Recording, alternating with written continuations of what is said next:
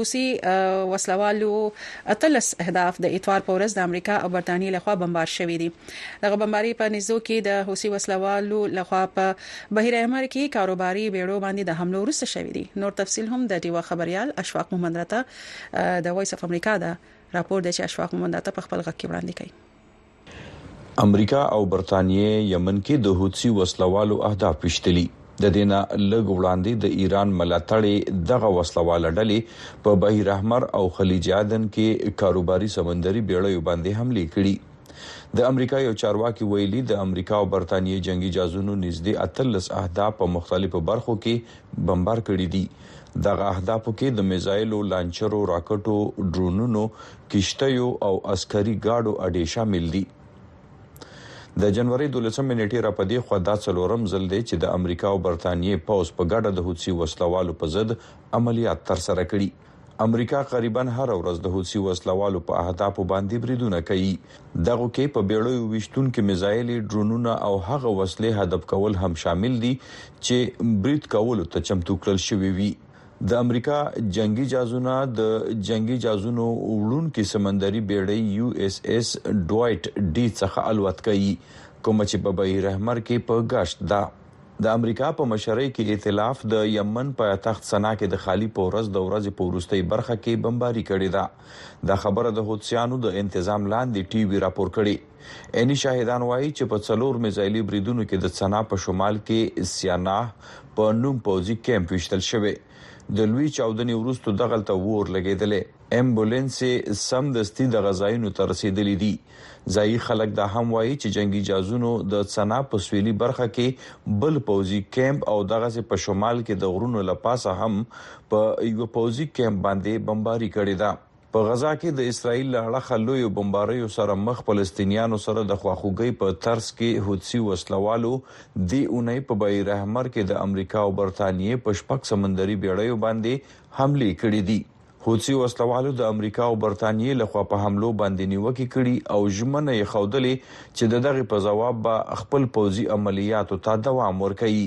په یو جاري شوي بیانیه کې دغه ډلې ویلي، د یمن پوځ د امریکا او برتانیې له خوا مخ په زیاتېدونکو حملو په ضد خپلو حملو د زیاتولو کلکه ژمنه لري. زیاتوي چې دوی به په بحیراحمر او عرب سمندر کې د خپل وطن، قام او د خلکو د دښمنانو په اهدافو باندې ډېر په مهارت سره پوځي عملیات کوي. اشفاق مومند، وایس اف امریکا، ډیوه ټي وي، واشنګټن ډي سي.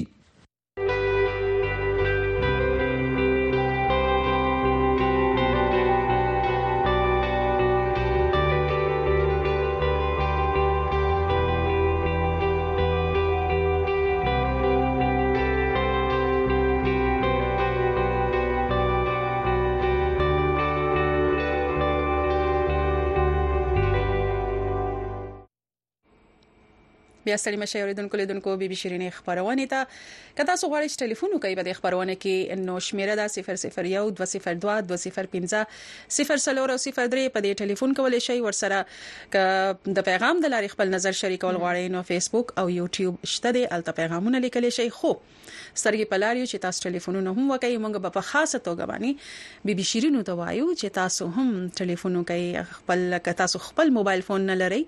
نو خپل رور ته پلار ته یا خاوند ته یا زوی ته وایي چې دا هغه د تاسو د نمبر ملاو کی دا شمیره درته ولګوي او فون وکړئ نو ډیر به خوشاله شو چې د بیبي شیرین سره مس خبري وشي شیرین لالا ګان خور وخت کې ټلیفونونه دا چې خبرونه هم د بیبي شیرینیانو د نوغواړو چې خويندې مو په دې خبرونه کې برخه واخلي دا څه فکر وکړئ نه موږ خفه نه یو چې تاسو ټلیفونونه راته کوي از ما وړونو ته ډېر احترام سره خو خوشاله بس چې په خوندې هم په دې خبرونه کې را سره ګډون وکړي رابس استاذ پیغامو ته سلامو ته وعلیکم سلام نقیب الله ظاهر وای چې سلام افغانستان څخه ستاسو خبرونه اورم ډیره مننه چې په دې خبرونه کې را سره مال یاست مننه حضرت علي خو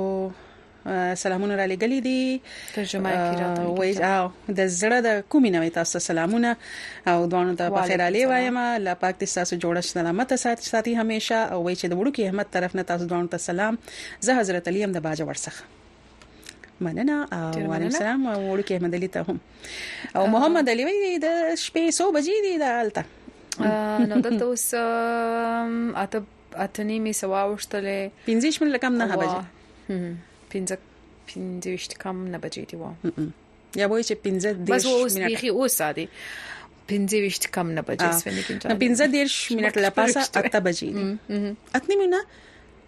15 منټه اخوا نه نه 15 منټه کم نه نه نه اته 15 اته 15 درش زه ټوګه کوم خا دا خبره نه ده دا زه صرف تاسو سره ټوګه کوم نه مال خټیم ویل لازم ښه نو او دې دونکو لیدونکو دا چې چل لګنه چې ګرانی په امریکا کې هم د زمونږ هم دماغ کار نه کوي اوبل چا سویلی و دا سې کمنټ کړي وای وی تاسو د ګرانۍ نه څه خبر یی. وی تاسو خو نو خوند تاسو خو ډیر خوند اخلي تاسو ګرانۍ نه څه خبر یی ما ته د مای چې وس وخاند مکه وجړ لکه ګرانی هر ځای کې دا د کووډ نه روسته د کورونا نه روسته د نړۍ هر یو هوا د ګرانی نه متاثر تاسو په حال څه خبر یی خو یو خبر ده چې تاسو واز ما د نګینجانی خندا دلته ګوري غم مې لکه د خوشحالۍ په لباس کې پټ کړی دی دنیا د قصوچ کوي چې زه ډیر خوشاله یم چې زه چې چل لګا نه چې پاکستان خبره کرا شي د ګرانې خبره زموږ سره چې کله هم اقتصاد په هاند خبرونه تر غلي نو دا ویلي چې لکه د کورونا نه وړاندې پاکستان کې ډیر زیات ګرانی او خلک ډیر زیات پریشان وو نو کورونا پیغه کار لکه ډبل کړو یو قسم چې دوه چند شو ګرانې خبرونه په نور دنیا کې به هم راغلي خو پاکستان کې بیا دا غینه زیات زکه شو چې د وړاندې نه خلک د اقتصاد د بحران سره مخامخ خو بالکل دغه ستي را به سو پیغامو ته نګین جاني وای تاج محمد وای چې سلام شکل خبرونه ده ډیره مننه او میراث ګل فقار افریدي صاحب سلامونه را لېږل دي نیکی هله احترامات می وای ومني ما احترامات د ځان سره ګډ کړل وای نیکی هله می ومني نو علیکم سلام تاسو ته هم نیکی هله او احترامات زموږ د خاصه ورسیږي وای د وړکی حماد له طرفه د سهار سلام قبول کی نو وړوکی حماد ته زموږ سلام او احترام دی ورسیږي ډیره مننه نور هم سلامونه راغلي دي امان خان وای چې امان خان د افغانستان د بدخشان ولایت څخه تاسو خبرونه اورم ډیره مننه چې را سره مل یاست محمد علي موسم څنګه دی دلته خو شایسته باران شروع دی او دا کم ځای کې باران شروع دي دام راتوست او سید مصور عباس شیرازي وایي چې اسلام آباد کې کو خو ډېر وی ګرانی ده اسلام آباد خو ګران خار دی خو خو د خو د خو د خلکو ته پاره نه البته کې چې سم اخلي ډېر ګران دي څنګه ژر ژر وایم نه کینځه کنه رایشي خلکو لپاره نه چې خلکو لا ډیر په پلان باندې جوړ شوی خار دی کنه نو ته خو ګرانی ډیره زیاته ده جان افغان وای چې زه تاسو د ورجینیا څخه ګورم او د ګاونډي دی ګاونډي زما ستام سایه دی هم سایه نو په خیر په خیر نه زده کړی ورجینیا کې چرته کې ریشمنډ کې کای نو بیا بخی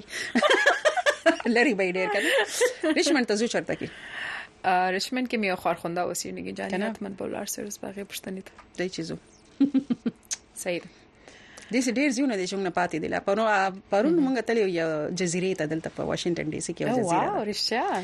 چې زه په جزیره ولاړم مکنه نو ما یې مکره په دې غټ خار په دې خوا کې د جزیره هم ده د وبو په منځ کې د پل په پل باندې متهاوړي نو ډیر خوند یې کولو خدای دې چې په مونږ باندې پانی نشته او سم یخ وو نه خو او خاموشیم ځکه چې لا خو د بهار هغه نه دی شروع شوی نو بیا مې زه بیا وته ال راشي چې کړه دا ونشنې شوی وي او مرغۍ راغلي وي یعنی شو سم طبيعت شي سرلی کې ځکه جزيره ته بیا ورش سرلی کې به ولار سنګ انسان سره به قرار خپل سامان ما خاله ته به قرار شکوا پوخ کو او کنه کنه باربیکیو لزو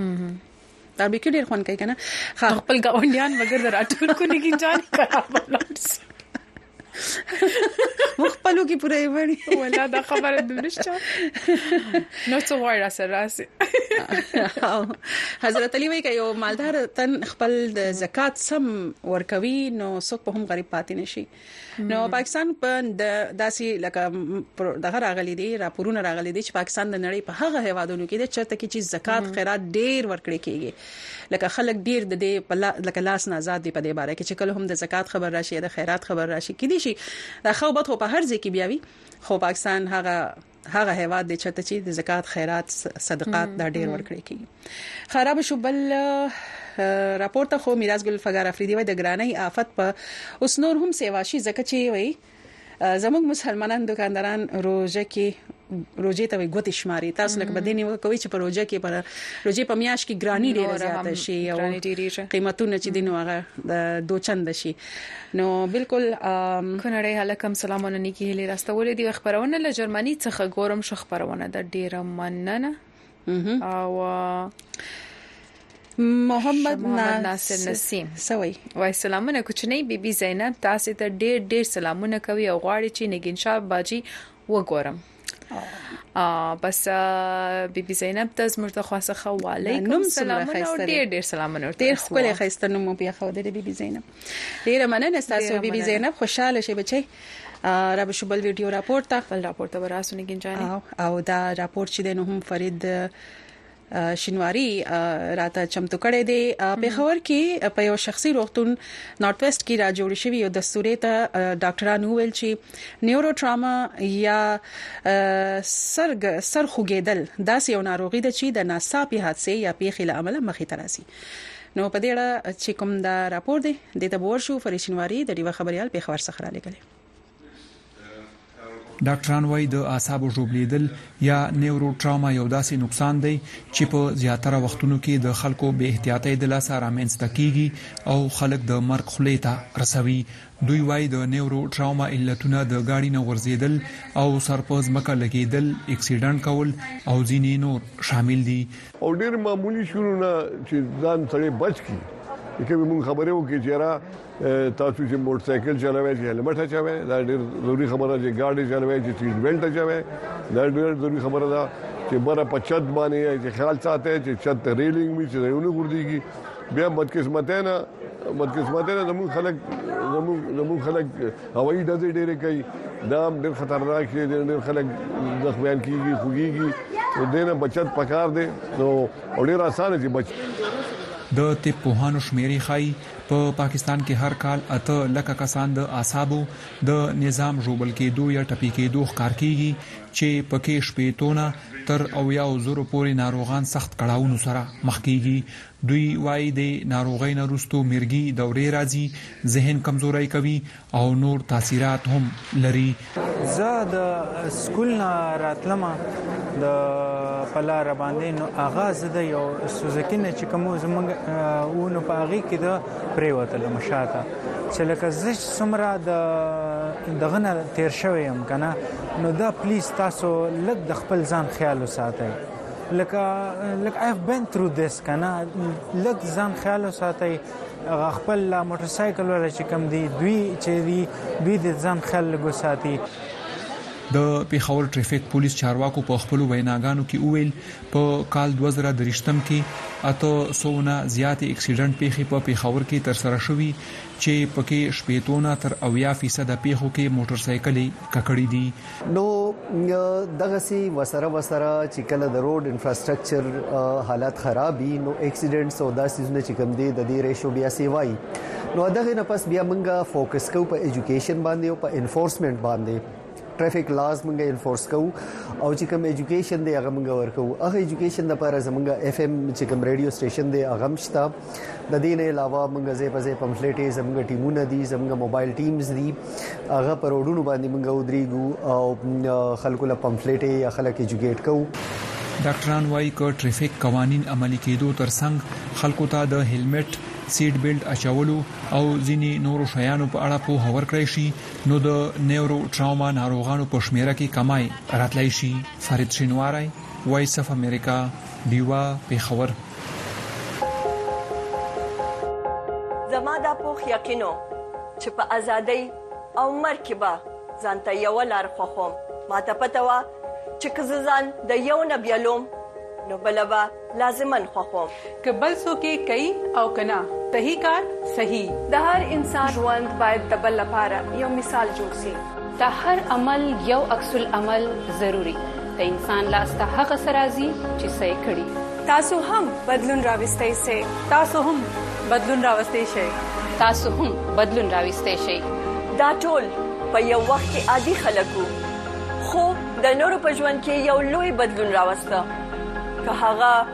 وډوکی وی او که غټ تاسو هم دغه بدلون راوستلی شئ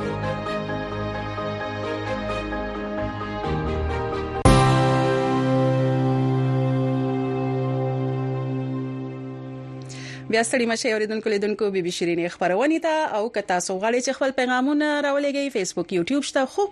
ټلیفون هم کولی شي کنه ټلیفون هم کولی بي بي شيرين خامخه حتما 0012022050 او 03 دا شمیره ده را بس استاد پیغامو ته سلامونه را روان دي بهر سلام ته وعليکم سلام وعلیکم سلام کلیم الله سروبی دا وای چې بهشته ته سلام نګین شاته سلام وعلیکم سلام دلته نری نری باران شروع دی ډیر اعلی او ټانک نه ملک علی مرجان سه په خیر سره مشي خدای مراوله ملک صاحب السلام علیکم وعلیکم سلام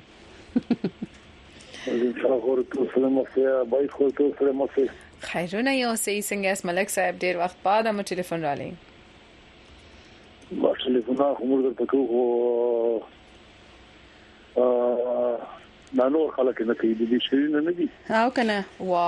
دا خبره خو مرشاده دا وکړلې سلی دي مخکې راځي خور دا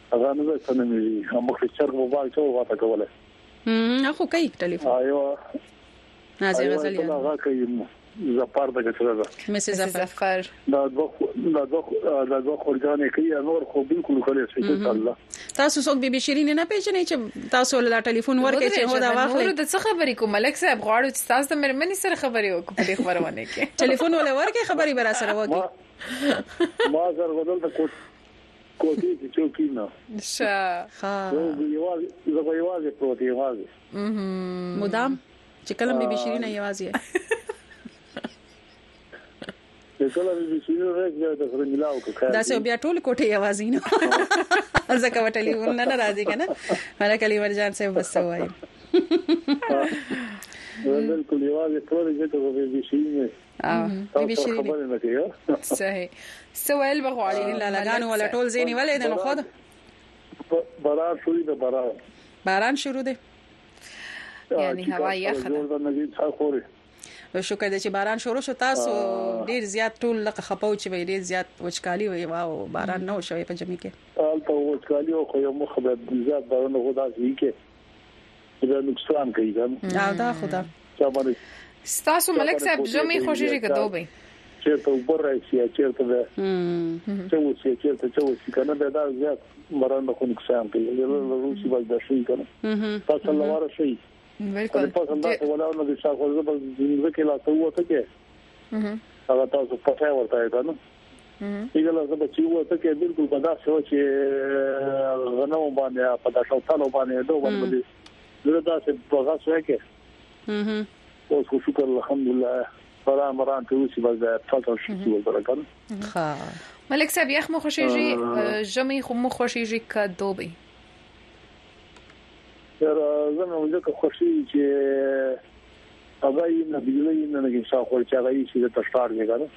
ها هغه په دې باندې چې یو شل ته غاټ کې کنه هغه پرسان ده موږ موږ کنيانو ته تاسو پرسان ورته کړو چې څه چې غاټ کې کنه ما ځا په شپرو ته په دې ځای یې کنه یې کار خو دومره هغه یې سم چې وا دومره چې هغه بلی کنه ها بالا بلی دومره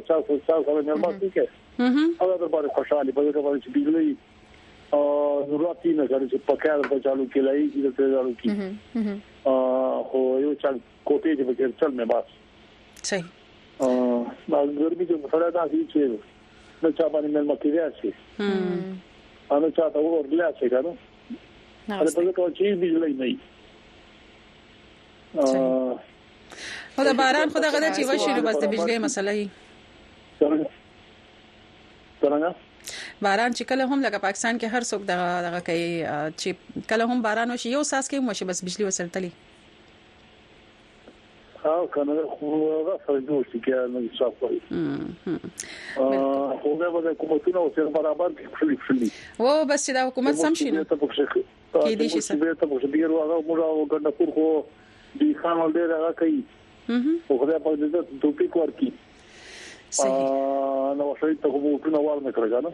ها چې سم وټونه ورکړي خو ان شاء الله دا پس به کار سره ولا او دا په دوه څو څو کې ورکی چې موږ سودې چې چیرې ته هغه وکی دا د شوګردي چې خدام دي دا کوم بدمنی شوري دا روانه نه چې څاکو چې کوم خلک کډې کوي کوم خلک روان دي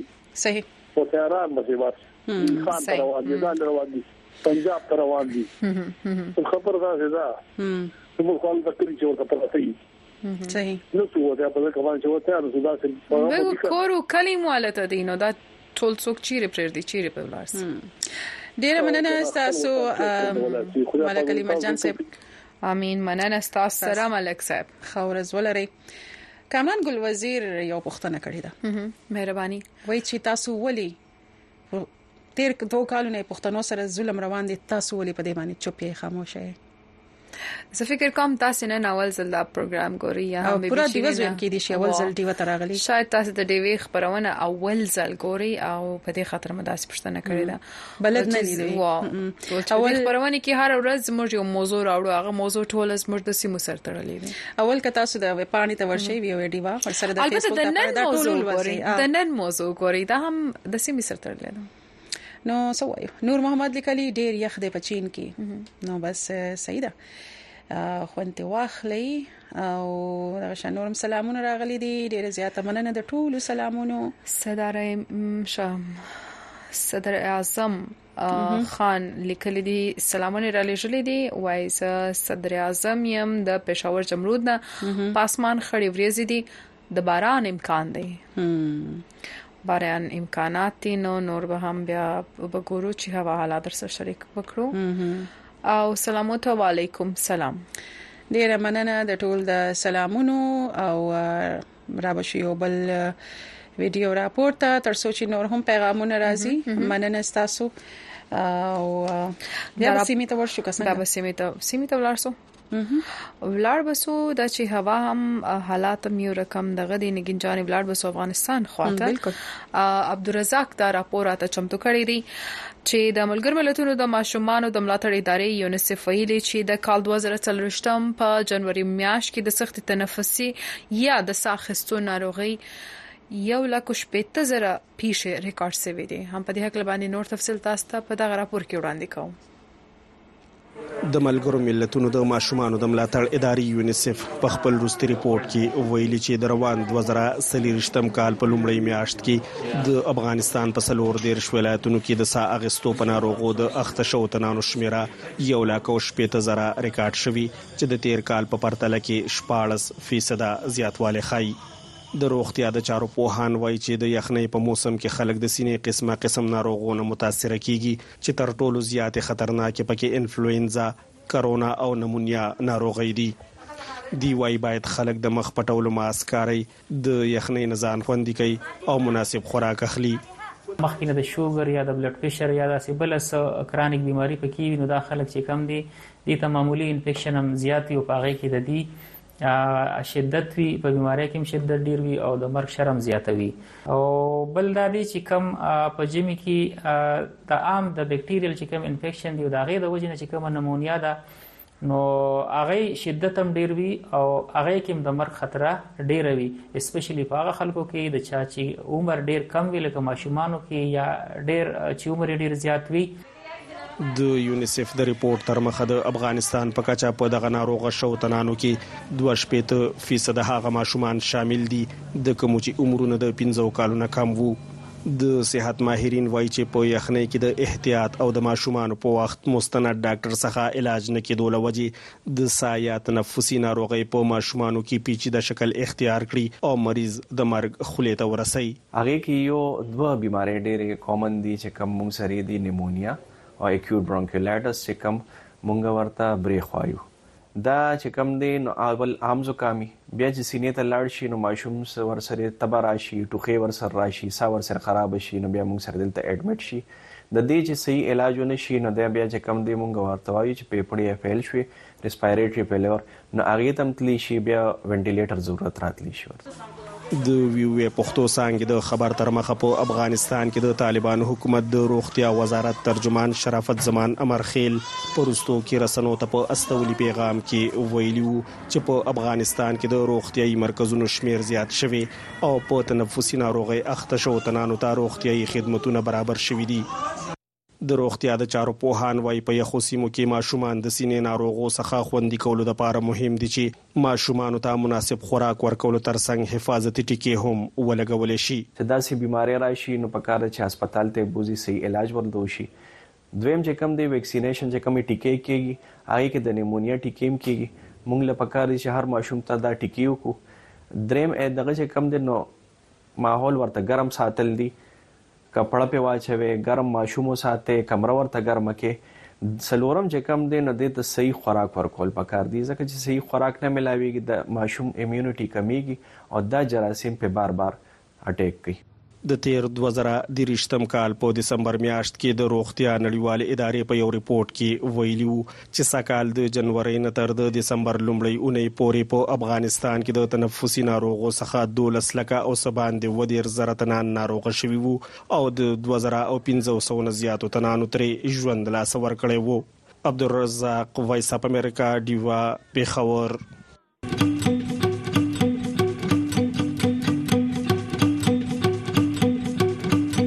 وی وی دیوا په سټلایټ ټي وي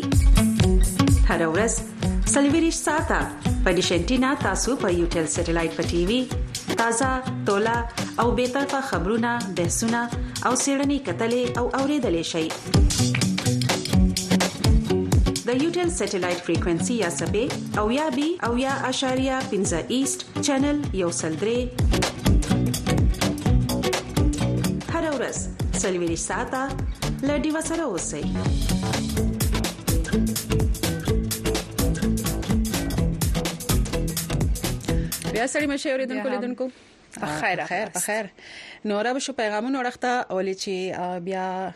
بل صاحب ته به هم اوړو شاهد خان په یوټیوب لیکلی ښه تاسو پیغام خو ما لوستلی خو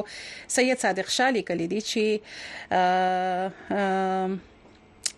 سلامونه تاسو را لګلې دی ډیر زیات فین یم او زما فادر زما پلار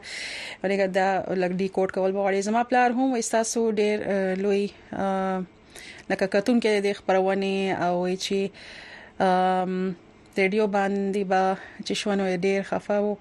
خا چې کله ریډیو نه دغه شول بیا وای چې اوس هم وای مس کوي او ساسو خپل نمونه راته وخای واه مهرباني وکړئ خپل نمونه غوډي سپر دو نمونه باندې را روانو اخا وحید کاکړ جانب نگین شاه بهشت تلاش ته تلاش او نور نګین جان تاسو چیرې وسیږي دا هم ورته وای خپل ځان معرفي په ورجینیا کې tell me about yourself نو تانکس تاسو غوښتل چې خامخا دا کوي دا اساس خپل نمونه سړي خیر دې مرګ وروره موږ خیر دې ټوکی کو خو دغه نمونه دي زموږ نوم باندې نه دي هم دغه موستي نوم باندې خیر وحید کاکړ هم چې ماشالله شایسته باران شروع دی خانوزای کی بیا رحمت حسین د ادمزای کلی نه سلامونه را لګلې دي او چې زموږ په هواد کې د حکومتونو جوړول خو شروع شول الله تعالی نه لاس په دعا یو چې وطن کې داسې حکومت حکومتونه جوړ شي چې د عوامو خدمت وکړي بیا د یغه ملک کریم جان صاحب ته هم سلامونه را لګلې او بیا ورسره ویلي دي چې دیوا خود پښتنو आवाज دی مننه تاسو ډیره مننه رب شو یوټیوب نه خو ټول پیغامونه ولوستل فیسبوک باندې سلامونه دي مې عبدالرحمن صاحب په فیسبوک لیکلی چې دوانو خويندو ته سلام وایي چې انټرنیټ د افادیت نه انکار نشي کېدی انټرنیټ د انسان په ژوند کې ډېر اساني پیدا کړې ده خو زموږ بدقسمتي ده چې زموږ هر یو شی د میسیوز په توګه استعمالوي نو ځکه ورته موږ په معاشره اکثریت د خلکو هم لکه په بد نظر ورته ګورو بیا خاص کر زموږ بې تعلیمه زنانه مننه تاسو نه نظر څخه هم دغه شانی نور هم سلامونه را روان دي د ټولو ډیره زیاته مننه چې تاسو سلامونه را لېږئ او محمد پرویز محمد وای چې مومندو پرانګار نو تاسو معلوماتي معلومات راکول ډیره ډیره مننه هیله کوو او جان افغان صاحب تاسو ته به هم چې څه معلومات مو په لاس راځي درته وایي به سلامونه ته وعليکم سلام ډیره مننه په یو لک سات کې به موږ د می ته هم ورزو او ریدونکو لیدونکو او د می نشي راځو نو زموږ سره به زموږ میلما پروفیسور ډاکټر عرفان اشرف صاحب هم د خبرونې ترازی چې به ور سره په موضوع باندې خبرې ترې کوو موضوع هم تاسو ته بیا وړاندې کو عبدالوهاب وایي چې سلامونه د مومندونه تاسو ته وایي حکمرانو ته او همکارانو ته بیا چې موسم ډیر یخ دی او د باران امکان دی فاروق افغان هم سلام را لېږلی ول ګران خويند تاسو دواړو ته دی د فاروق افغان او زما کوچنی لور لخوا د خوست او باک ولسوالۍ څخه سلامونه ومني نو علیکم سلامونه او د دې سره ورزو یو وړو کې د میته د ډي وی لیدونکو تاسو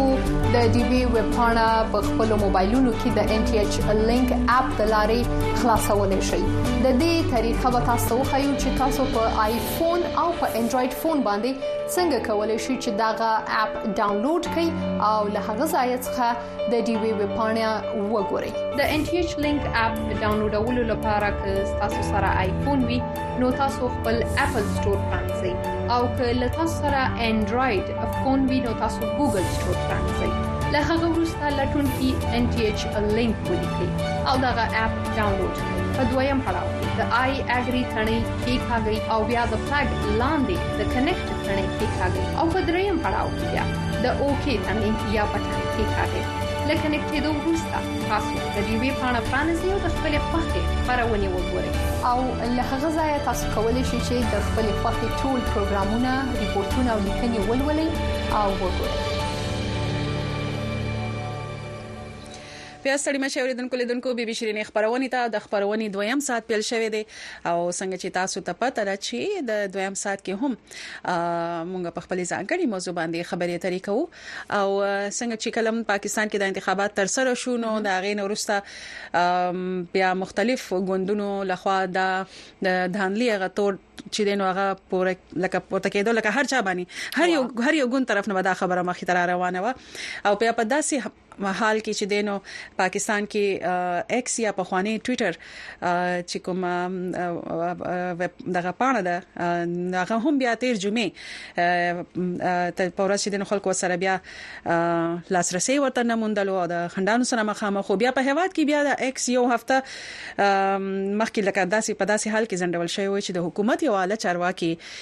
د 8 فروری په انتخاباتو کې د درغلۍ د ککړتیا اعتراف کړی و بیا دغه شانی د نت بلاکس په نوم د انټرنیټ د تحفظ یا د سایبر سکیورټي یو کمپنۍ ده چې هغه وویل چې لکه و مورز ده چې لکه دا د د سور وړاندې خبره ده چې و مر و مورز چې په پاکستان کې ایکس په لاسرسي کې مشکلات موجود دي خو دا وخت په وخت په ویب پاڼې ته لاسرسي کېدل شو او اوس چې دنو داسې ویل کېږي چې بيخي تړلې شوې ده بیا ورسره د سږ کال د شروع کېدو راهیسې پاکستان کې قریبا یو سل اتیش میلیونه د انټرنیټ صارفین چې د هغوی 15 ځله د انټرنیټ د بندیدو سره مخامخ شوي دي او دا خبره بیا په لیتوانیا کې مشتر صرف شارک نامي یو کمپنۍ کړې ده چې په نړیواله کچه د انټرنیټ د بندیدو سارنه کوي بیا هغه د 2020 خبرو هم کړې چې پاکستان کې څلور ځله انټرنیټ بند شوی دی نو هم د انټرنیټ دا بندیزونه د سوشل میډیا بندیزونه بیا ورسره د ټلیفونونو سرویسونه سرویسز چې دی هغه بندیدل دا څومره خلک د ستونزې سره مخامخ کوي د بیان په ازادۍ باندې د دې څومره زیات لکه د قدغن آیا ویل کېږي نه ویل کېږي چې بیان ازادۍ باندې همدا د سرف شارک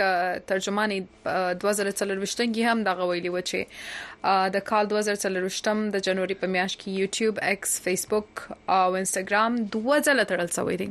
نو دا د کال شروعات دی چې دوه ځله پر داسې ټولنیزو رسوي نه باندې وایو چې بعضی قیودات یا هم قطغانونه دي یا هم تړل کیږي نو د دې اول خدا ولي سوشل میډیا باندې قدغنونه یا هم د دې تړل کېدل په دې کې څه ستونزې خلکو ته پیدا کیږي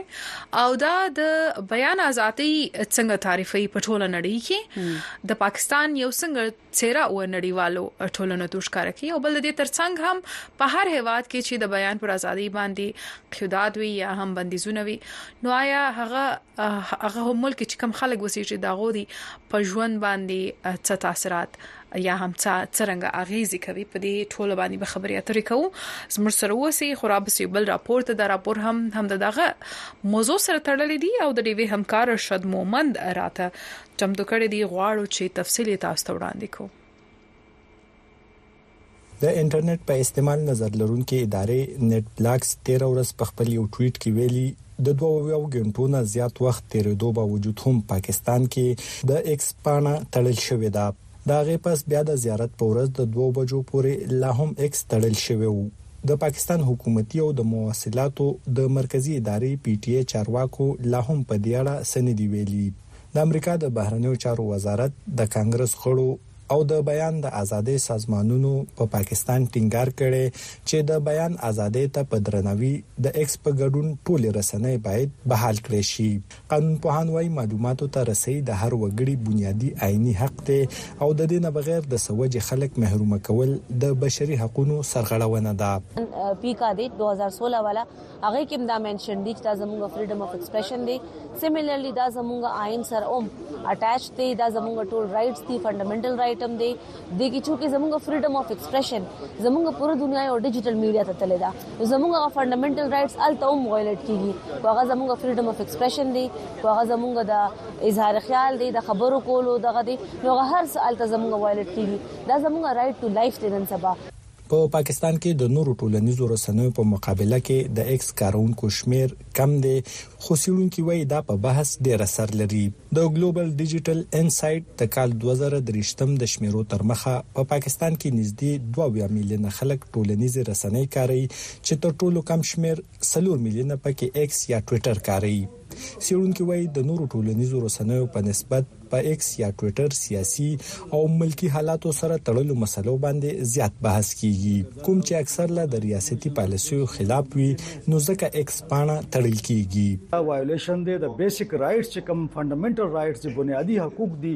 د هغه خلاف ورزي ده. ولې چې ته څنګه خلک ساره چې غي خپل خبره نشي کولای دا خدا سه شو چې ته یو کس ته وې چې ته خپل حق باره کې خبرم نه کې نو زما خیال دی چې دا ټوله دنیا کې د دې حواله سره ډېر نیگیټیو یو میسج روان دی په کار دا دی چې حکومت دا کولاو کی او چې کم رولز هغه حساب سره چې کسو کوایلیشن کوي د هغه بیا سزا هم شته. څېړونکي وايي، ښکاري چې د روان سیاسي اړي ګړي د وجې د ایکس پاڼه تړل شوې ده. په وروستیو کې د راولپنډۍ کمېشنر په انتخاباتو کې د درغلیو په سر د بیان وروسته د ایکس پاڼه بنده ده. د سیاسي حکومتي چارواکو د ایکس تړلو او یا د بیا پرانیستو په اړه لا هم څه نه دي ویلي. دې نه وړاندې په نهمه مې د پاکستان تحریک انصاف د احتجاجونو په وخت هم انټرنیټ تړل شوی وو او په اتمه پرورې د ټاکنو په ورځ هم د موبایل سرویس او انټرنیټ په ټول پاکستان کې بند کړی شوی وو ارشد مومند وایس اف امریکا ډیوا پیښور بیا ستړي مشه اوریدونکو لیدونکو بي بي شیرینې خبرونه ته خبرونه کې تاسو د ډیوه خبريال ارشد مومند دا راپور وکړو وامو اوریدو او هم په دغه موضوع به خبرې ترې کوو ورسره دا چې د ایکس یا په خواني ټوئیټر د پاڼه تړل کېدل بیا سره سوشل میډیا یا ټولنیز رسنۍ باندې بندیزونه بیا د انټرنیټ بندیزونه او ورسره په چې کوم موبایل فون سرویس وی هغه بندیدل هم یو ډور ډیر زیات یو لوی ستونزې سره خلک مخامخ کوي چې کوم د یو بل سره د رابطې کوشش هم کوي په دې موضوع باندې د نورو خبرو تر لپاره زموږ سره زموږ قدرمن میلمه هم راغلی دی زموږ سره زموږ قدرمن میلمه ډاکټر سید عرفان اشرف صاحب را سره د مهال ملسوي دی په خبرونه کې ډاکټر صاحب خدای مو راوله په خیر ستړي مشه ډیر مننه ودان ټول ملګرو ته سلام او صبح بخیر پاکستان ستاسو کور ودان چې په ډاکټر صاحب ته بوایو چې ناشته خو بم کړی چې چې مې خو بم سکلې کنه ولې چې سار وختي دی چې و ځان سره یې خېدي خو مې پهله خبرې دی بیا غنه پس چي دي او ولې چې سهار ولا پاسې دلې نه سترګې ومګې بس کیمرې ته بکې نه بس خلک وای چې خدای چې د چیو نو سره ګډ وکړي نسترګي به رڼا شي د ملک ته مسایل به هم ښه په واضح ښکار شي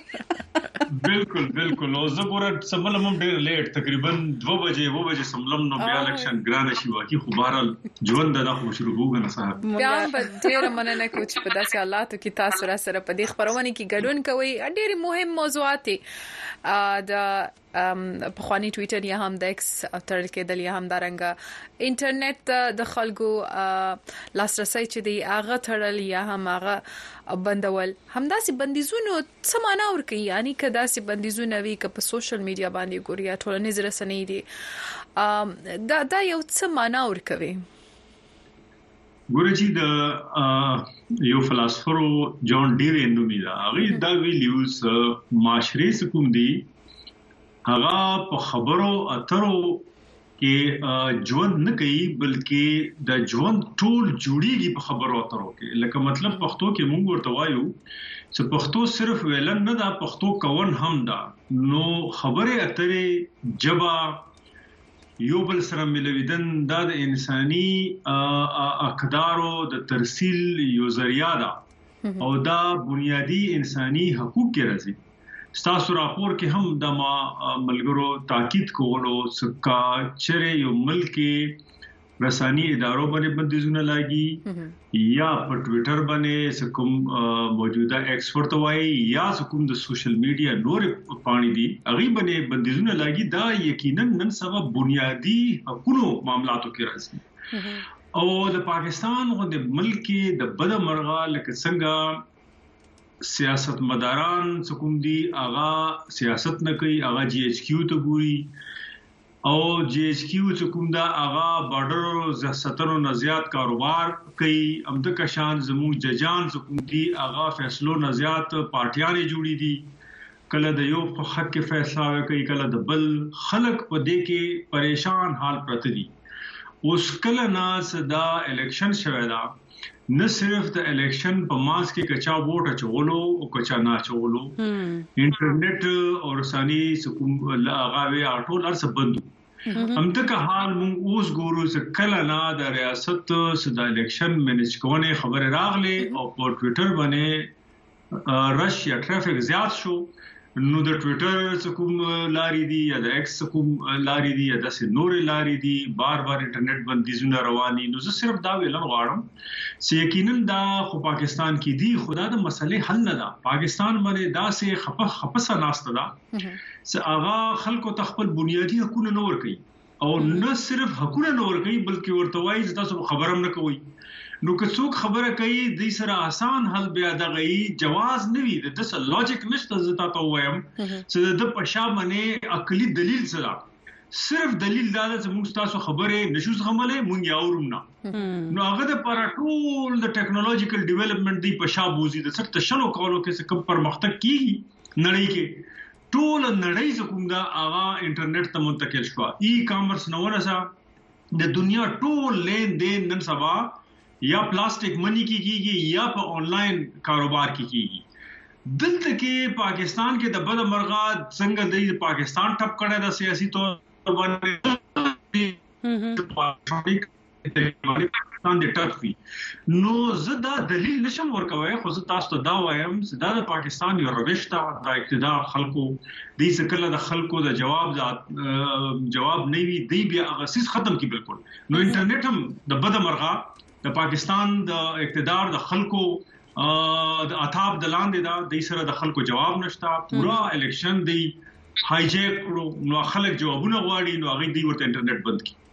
پروفیسور صاحب د دې نمخ کې هم لکه دا اول ځل نه ده چې د په یو ټولنیز رسنۍ په یوې پاڼه باندې یا په نورو پاڼه باندې بندیز لګیدلې د نمخ کې تاسو به هم کتلې وي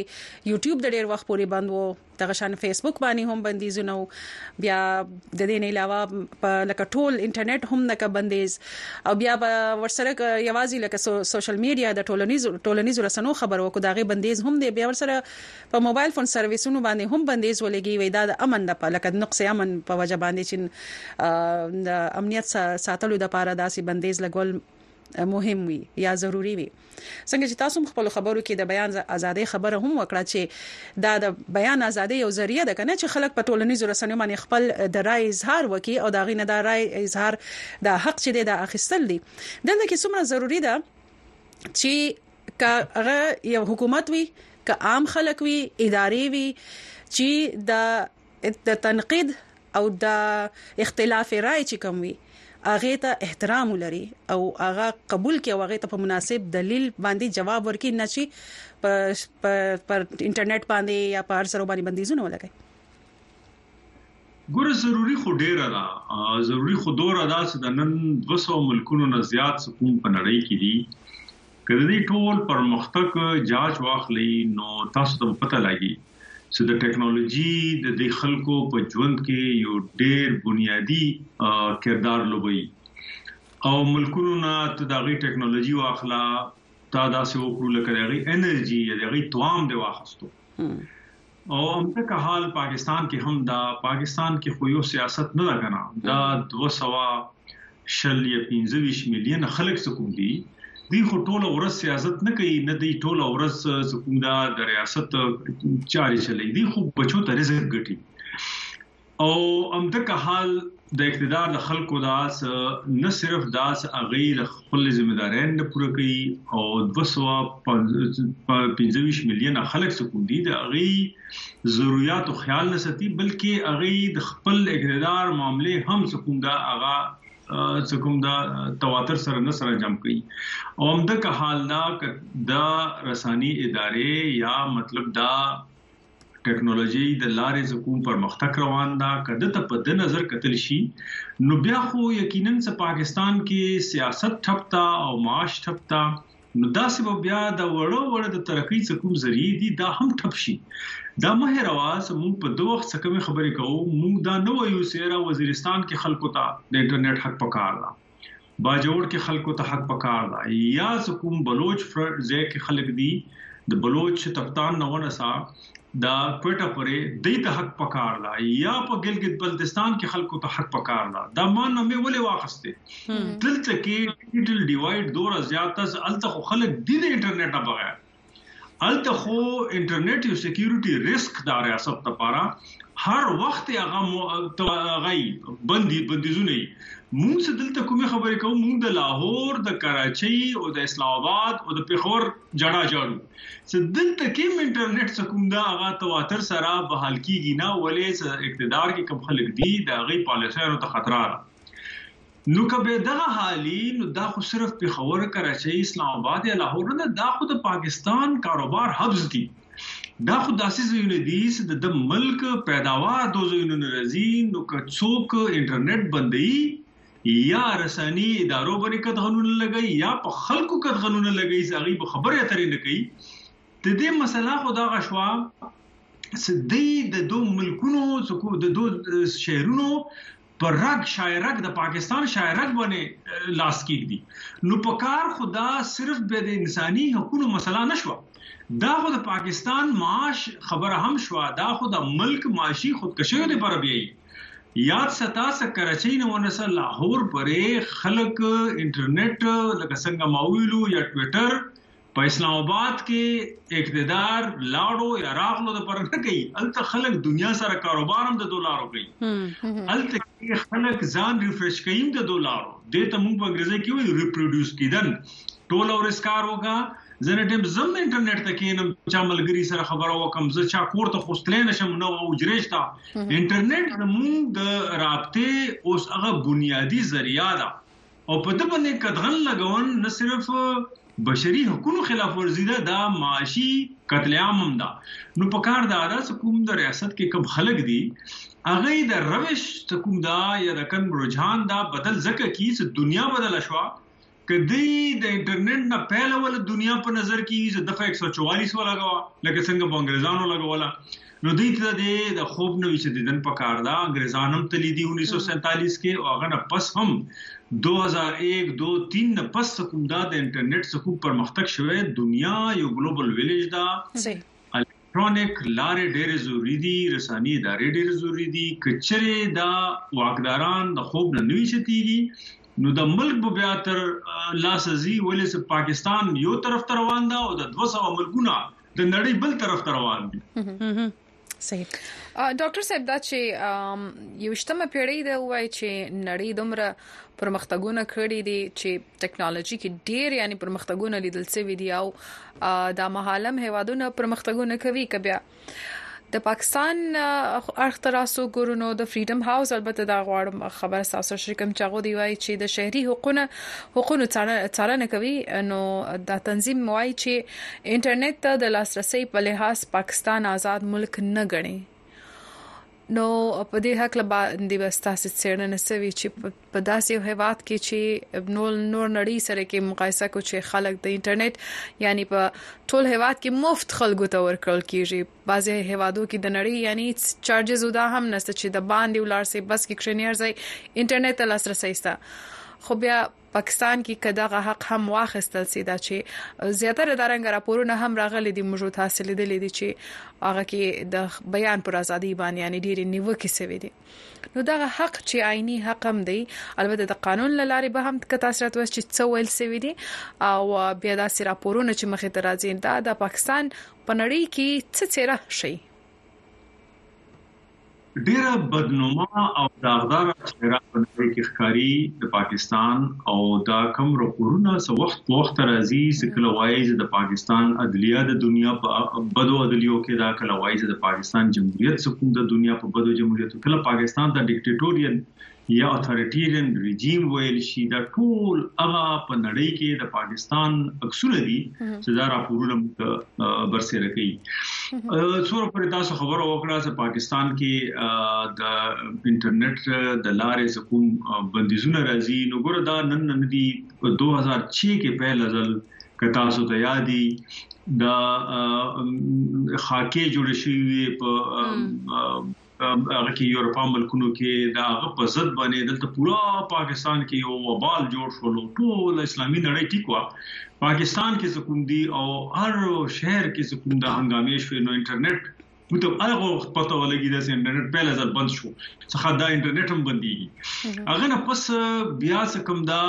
د خو یوټیوب او دا بند شو بیا فیسبوک څه کوم دا 2008 نو کې بندیزونه په دبنې راتل شروع شول به څه کړه د ای پی ایس خبره وشولا نو هغه کې بیا ریاست دا تعویل ونیولو د پاکستان سچون کې د پاکستان انلاین چې کوم ټرریزم دا پاکستان کې ډېر زیات تا او انټرنیټ د لارې طالبان یا کوم دا ترخګری زیاته پیلويږي نو دا دهشتګردي سرونه لپاره هغه شل نکات سکوم یا 19 نکات او سکم بي پي اس د آرمي پبلک سکول کې کوم یو قتل عام شو هغه نه پس ریاست په خلکو امپوز کړو هغه کې هغه شلو کې یو دا هم واسه د انټرنیټ د لارې تر غریبوي سره و نو موږ 2016 کې وکړو چې پیکا لاز را پیکا لاز مطلب هغه و قانون هغه اوس ریاست ویلو چې موږ بو انټرنیټ ته اکسس وی د خلکو پرایویسي بنوي او موږ کله هم غواړو انټرنیټ به بنديږي او څوک انټرنیټ غلط استعمالوي دا خلاف وو تادیبي کاروایی کیږي ما خل درې نه ونه سه 15 کال پورې د جرم خبرم کې دي صاحب جیل تاسو ول شي او پیکو لاز په 2017 کې د رسا... د استخباراتي ادارې خپل کې خښ شو لکه یو استخباراتي کومه بنیادی اداره ده هغه د بل ادارې لکه اف آی ته وایي سره زما حق ده زه د خلکو پرایویسي کې ګوتی وایم بله ورته وي نه دا زما حق ده نو په هغه باندې د دوی خپل ریاست کې نه نه یو خلفشار روان شول څه دا عوام پرایویټ حق سکوم دا دا کومه اداره په مال کوي او دا مهر واس دا داسې وختونه اوس د پاکستان کې د تروریزم د لارې خلکو ته چټي به موصول کیږي څنګه کې به ورته ویلو چې ستاسو بانکونو کې دوره دوره اساسي دي او کوم ته دوره پیسې نه راکې نو موږ بس تابې ماز ډوړو نو خلکو ته تشویش شو چې زموږ انلاین پرایویس د څوک دا زموږ پرایویسي لیک کوي نو یقینا خبره ده چې یا بانکونو ته پته ده چې چا څه احساسات ده یا د ادارو ته پته ده نو زه صرف دا وایم چې د پاکستان غو خطرناک ملکونو کې څه الته کې نه صرف دهشتګردي بهر د ریاست د دننه داسې خلک ناست دي چې هغوی په دې تکل کې دي چې د خلکو حقوق څنګه سلب کړو او هغوی نه پیسه څنګه بوده کړو، د خلکو حقونه په مانځ نه لاړ شي او د خلکو استحصال هلته روان شي، نو بیا دوه هزار اکیس بایس برې په پي کا لاس باندې پوره نړۍ کې بحث روان و. او پاکستان کې هم څه بیا کله هم قانونونه کیږي چې د خلکو مرزي پکې اخستل شي او سپورې هغه پیکا لاس کوم دی هغه کله پارلیمان کې پیش شي کله کوم د پارلیمان ریجیکټ کی کله وایي چې خلکو سره مشاورت ته غي هغه کا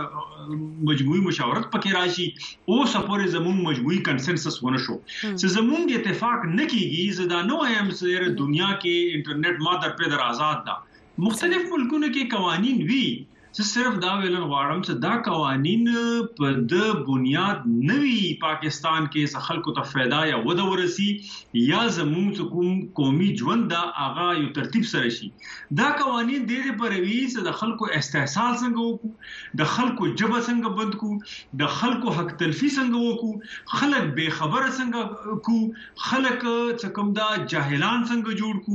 نو کوم ملک کې کا بیا ادارې دا استعماليږي نو ګورا کا د پاکستان خلک نه پويږي پويږي خو خو خو زه به وایم کنه پويږي نو نړۍ خو پويږي نو بیا په دې کې نړۍ کې د پاکستان زکوم یو عکس دی نه صرف بدنمايي بلکې اداسې عکس ته څه خلک هک او پرېشان دي چې د ملک څنګه ده او د ده اقتدار والا خلک څنګه دي بجاې دې چې د خلکو ته سهوليات ورکړي بجاې دې چې د نړۍ کې دوه سو ملکونو سرا سره دي خلک لاړ شي دی د خلکو لارې بندوي او دی خپل کورونه خو په یورپ او امریکې کې دي او په دلته کې په خلکو ورکري کوي د ملک نه تختی نه د ملک خپل غني خو خلک چې کله راشي نو هغه ته څه کوم دا دی د هغه استحصال کوي نو زه دا وایم چې دا څه میسج نه ده څو کوم څه زموږ دا خبره اوري په کار ته په دوه سرونو شنو ځکه مطلب امنا وکي چې پاکستان د دین بغیر پاکستان دانا دین بغیر د پاکستان یو ډیر بدنما سیرا په دنیا کې راځي نو پروفیسور صاحب پروفیسور صاحب دلته کې د انټرنیټ په بندیز باندې چې کوم د پاکستاني چارواکي وایي د کورنی وزارت خبره به وکړو چې دا غي لخوا دا ویلي شوی و چې د انټرنیټ باندې بندیز ځکه لګولې و چې د د ترهګرۍ د خطرې لامل غوښتل چې د ترهګری و نشي د انتخابات نه وړاندې تاسو هم کتلی و چې په ترهګری په واقعیتو کې اضافه راغلی و او د انتخابات نه یو ورځ مخکې هم په بلوچستان کې بمی چاودنې شوې او خلک پکې وژل شوی وو بیا دغه شانې پښتونخوا ته کو ګورو نو د دغه نفس چې د انټرنیټ چې کله هم بندیز شوی دی نو د پاکستان حکومت لخوا دا ویل شوی دی چې د ترهګرۍ د مخنیوي لپاره دا کیږي نو د دې د دې د دې نه علاوه سبل سهل تاسو وینئ چې انټرنیټ بند نکړي شي او د ترهګرۍ مخه ونیول شي او کنه دا هم په دغه پلانونو کې چې کم د ترهګرۍ مخه نیول لپاره وي یو پلان پکې دا وي چې په دغه مهمه ورځ باندې چې کومه مهمه ورځ وي که هغه د انتخابات وي که هغه د اختر ورځ وي که هغه د محرم نهم او لسم ورځ وي اکثر په دغه ورځو کې په خاصه توګه باندې دا انټرنیټ ځکه بنديږي چې ترهګرۍ خطر ډیر وي نو یوازې بل لار هم شته چې انټرنیټ بند نشي او کنه د انټرنیټ دا بندیدل لازمي دي بیا په دغه مهمه ورځ باندې ګوره جی ترخګری خو مارکیټ ته ترخګری خو ترخګری نه ده دا خو جوړ کړ شوی دا د پښا باندې ریاستي پالیسیان دي او هغه څو وجوهات دي په کې نه زو هغه باندې موږ سر خبرې کوو نو ترخګری مسله نه ده دلته زه کوم یونیورسيټي کې خودن کوم چې دلته کې مطلب دا ده کله هم موږ پروګرام کوو کانفرنس کوو یا موږ کله زکم دا داسې لټري فیسټیوال کوو نو موږ اکثر ګورو چې دلته کې موږ ته د ریاستي ادارو د تراخ نه راشي خبره سالکه دا بند کی ته دلته سکیورټي تھریټس دي دا اوس دوه ورځې پهله په خور یونیورسيټي بند کړل شو ولې چې سکیورټي تھریټس دي مسله دا ده چې دلته کم هم د پرمختګ کار کیږي هغه ترخګری سره کا تعلق وی کنه وی ترخګری یو جواز دا هغه معاملات بندونه زه صرف دا ویلن غواړم چې کاریاست غواړي نو دا معاملات داسې لکه کوم طریقې سره روان دي د دې مخنیوي کوي شي خو ترخګری د دې حل نه دا کوم وایي چې ترخګری نو ترخګری پاکستان کې نشته ترخګری جوړه شوې ده کچري ریاست غواړي چې امن دی وی په دغه هغه کې یو خو د خپل پالیسیانې هغه کی واپس کی دویم خبره دا ده چې کچري پاکستان ترخګری وو یو سیره هغه ختمون غواړي نو بیا خو انټرنیټ بندون خو د ترخګری ته وده ورکوند ترخګر څه غواړي الته کې برید وکي دلته خلک مړه کی او به فونونه میډیا ته وګي زموږ دوره خلک وجل نو هغه خو هغه تخریب غواړي چې د کم واقع ریاست هغه ته پروواید کوي نو مطلب دا ده چې لس کسان په ځای شي ریاست تل د زی چې سکیورټي تھریټس دا بند کا نو دا خو د ترخ ترخګرو طرفداري کوون شو دا خو چې کم څه مغي غواړي هغه کوون شو او دا الیکشن سره خو تړلې نه دي کنه دا خو الیکشن نه پس هم څه ته وګوري څه کوم معاملې د پرمختګ کی الته کې سکیورټي تھریټ سي نو فایده ترخګرو ته دا او د ریاست هغه ادارو ته دا څه کوم د عوام باندې یو استبداد او ډومینیشن کوي مونږ ګورو چې په دلته کې عوام په شار روان دا او ترخګری او د ریاست جبر په وده کوي مخکې روان ده الیکشن کې څه کوم پارټیانو باندې ریاست لاس راخلو په هغه پارټیانو باندې بریدونم کیدو تر خګروم لاس راخلو نو د مطلب خدا شو چې د ریاست پالیسیانه او د تر خګرو مقصد په یو لار روان ده او د ملک پرمختګ په بل لار روان ده نو زه دا صرف وایم چې د دې ترخګری سره تعلق نشته دا که ریاست غواړي چې امن او امان وي نو بنیادی ګام دا دا چې خپل پالیسیانو باندې نظر سنیو کی دویمه خبره دا دا چې ځوانان دلته شپېته فیصد زموږ ځوانان دی هغه ته د پرمختګ لارې کولاو کی او په هغه کې انټرنیټ یو ذریعہ ده زه تکم صوبې کې دلته ناست یم او ورسره بل صوبه بلوچستان د پدې کې افغانستان سره ټول لارې بندي تاسو ماته وایي چې افغانستان یو لند لاکډ کنټري دا داسې ملک داسې دی هغه پاکستان سره لوی سرحد دا او هغه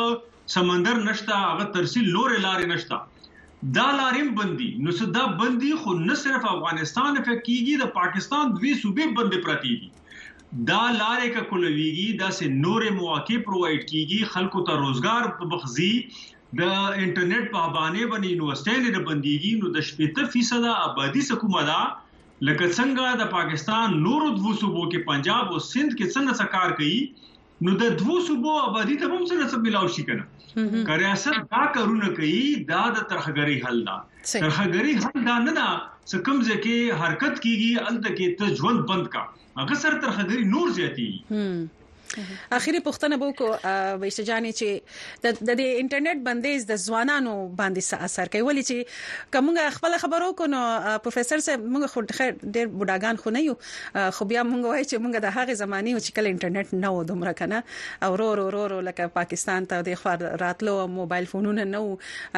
ډایل والا فون به بس وخت بمنیو لو تارو پورین خته وکنه وس پویم تار انخته خو هغه سره ځوانان چې هغه وس پویم انخته نن سبا وای چې ټول یعنی د باندې زده کړې کوي نو د انټرنیټ د لارې ټول کارونه مخ ته بیاي نو د نن سبا ځوانان چې دي دوه په داسې وخت کې پیدا لوي شوې دي کومګه د 2000 را واخلو تر دې سلیریش کال خبره کوو 15 کال پوري چې په انټرنیټ کې لوي شوې دي سمارټ فونونه یې لیدلي دي او زیاتره چې کوم دغه عمر شاوخوا ځوانان دي هغه زیاتره دغه سمارټ فونونه او انټرنیټ کاروي او په انټرنیټ کې بیا د مختلفو رسنۍ د غي د لاري خپل خبرونه ترلاسه کوي معلومات ترلاسه کوي کاغه فیسبوک ته کاغه ټوئیټر دی کاغه یوټیوب دی کاغه ټیک ټاک دی ټول باندې نو په داسې حال کې چې کله په انټرنټ بندیز ولګي په ځوانانو باندې په خاصه په دغې طبقې باندې د دې څه اثر وي او د هغوی په تعلیمونو باندې د هغوی په خپل هغو په دې رویو کې باندې په دې باندې څه اثر وي د هغو په ذهنونو باندې د دې څه اثر وي مونږ جی چې د کلو خلک یو او حقیقت دا دا بالکل ټیک دی ویلو چې مونږ د انټرنیټ د پهله جنریشن دا کوم د دې ډېر من کار او کوز زموږ عمرونه کم دي خو مطلب دا ده چې موږ هغه دور هم کتل دا چې کله انټرنیټ نو او موږ دا دور هم ګورو چې کوم کې انټرنیټ شته او موږ خپل استعمالو زموږ په کلی کې وو ما ډېر خلک داسې کتو او هغه کې زه هم شاملوم چې په کورونو کې به تنگ شو نو بهر ووتو نو موږ ورته ویلو یو ګټ به ورته ویلو یا تخت به ورته ویلو یا داسې مشترکه ځای به اوس الته په کانو ناستو خبرې اترې هم کولې نو ځنه خلک خو په هغه کې د چټي پریزې باندې کورونه تناوتو یا نور کارونه ته ځنه خلک ولته ولاړو ویل وی سو اوس چا کار لاړ شو چا حجره ته لاړ شو چې کپ چي وسکو الته کې خبره مو کوم نو زه صرف خبره دا کوم غواړم چې هغه وخت څه کوم دا هغه وخت ختم شو دا اوس کوم د انټرنیټ او د ټکنالوژي دار دور راغلو د ته مونږ وایو نتورک ورلد داسې دنیا چې دا خپل یو بل سره تړل شوې ده نو تا ته د کور نه بهر ګټونو کې کینستنې تا سره موقع نشته بلکې د انټرنیټ د لارې پورا دنیا تا ته کولاو ده اوس خبره ته هغه راځو چې آیا د نوي دور خلک چې چا انټرنیټ سره سترګې کولاو کړې دي او هغه دنیا نه د کتلې لکه کومي دنیا ما ذکر وکړو چې هغه کوم د انټرنیټ ټپه له دنیا و هغه به گزارا وکي کنه زه نه منم چې دوی به گزارا وکي وجه دا ده چې هغه د کور نه بهر دنیا هم ورته ورانه کړه لکه کوم ځای کې هر وخت د ټیرریزم خوف وي د انسکیورټي خوف وي د پرمختګ لارې نه وي ځوانانو ته میدانونه غایبيږي هغه په هاوزینګ سوسایټیز کې کنورټ کیږي قبضه مافیا وی الته کې یو ګراوند یو چمن یو کلاو ځای په تو نه ګورې سه الته کې ستاسترګې خوږی شي یا الته کې خپې خپې سکوم د کلاو کې نو بیا داسې دنیا کوم خپل ځوانانو ته ورکړي دا او لکه څنګه موږ ویلو موږ شپږ فیصد ځوانان دا څه کوي که کور نه بهر دنیا برباده شوه نو د کور د دننه دنیا د انټرنیټ د لارې هغوی ځان ته کلاو کړه. اوس که دا دنیا هم مونږ هغوی نه خلو نو تاسو خپله سوچ وکړئ څه هغوی د پاره پاکستان کې څه پیدا کیږي او یاد ساته څه دا هغه طبقه نه ده څه د دوی پاکستان سره داسې مینه یی څه دوی ووایی څه د ملک د پاره مو ځان هم ورکوم او بر ملک ته به نه ځم. زه څه په کوم ادارې کې کار کوم په خدای یقین وکړي چې کم سټوډنټ زما ډیګري کوي هغه دا خواهش ده هغه بار بهر لاړ شي ما څه ډیګري کړی و د انټرنیټ نه پهلا ژوند ولا ډیګري هغه کې زما پهلا ترجیح دا و چې کم سړی ما دلیل دا و چې کم سړی په خپل ملک کې څه نشي کوي او بهر ملک کې څه نشي کوي نن ځوان وایي چې په خپل ملک خو ځکه نشم څه کوي چې زما لاس په بند شوی دي زه صرف بهر ژوند کوي شم ولې چې هغه ته د انټرنیټ د لارې هغه بهر مخکې نه کتل را هغه زما غونې خیالات زما غونې لوجیکس نه هغه وایي چې چونګي دنیا ماته کولاو ده او پاکستان ماته بند ده نو د په بنیاد باندې د هغه ترجیبي څه هغه بهر لاړ شي نو زه دا وایم چې دا برین ډرین کم سره روان دا کچري موږ راسه لارې نور هم بندو نو زموږ ځوان کل سکوندا دغه لوجیکس د انټرنیټ د دنیا پهلا لوجیکس نه ډیر بدل دي نن هغه ته دنیا کولاو دا هغه به ترجیح کوي نه کوي چې هغه په افغانستان کې یا پاکستان کې اوسي هغه ته کلارې کولاو دي موقع ملويږي تعلیم په بهانه مختلف طریقو سره یا په غلطو لارو سي لارو کې به مړ شي لکه څنګه مونږ ګورو چې ایران نه ونسا ټرکی او ټرکی نه ونسه ګریس پرې ځنګلونو کې لاشونه پرته دي ډډې پرته دي اډوکی پرته دي دا څوک دي دا غزوانان دي به بدقسمت څه کم پاکستان او د افغانستان غونې ملکونو د ترخګرۍ ښکار خلک تخته کې په دوه ملکونو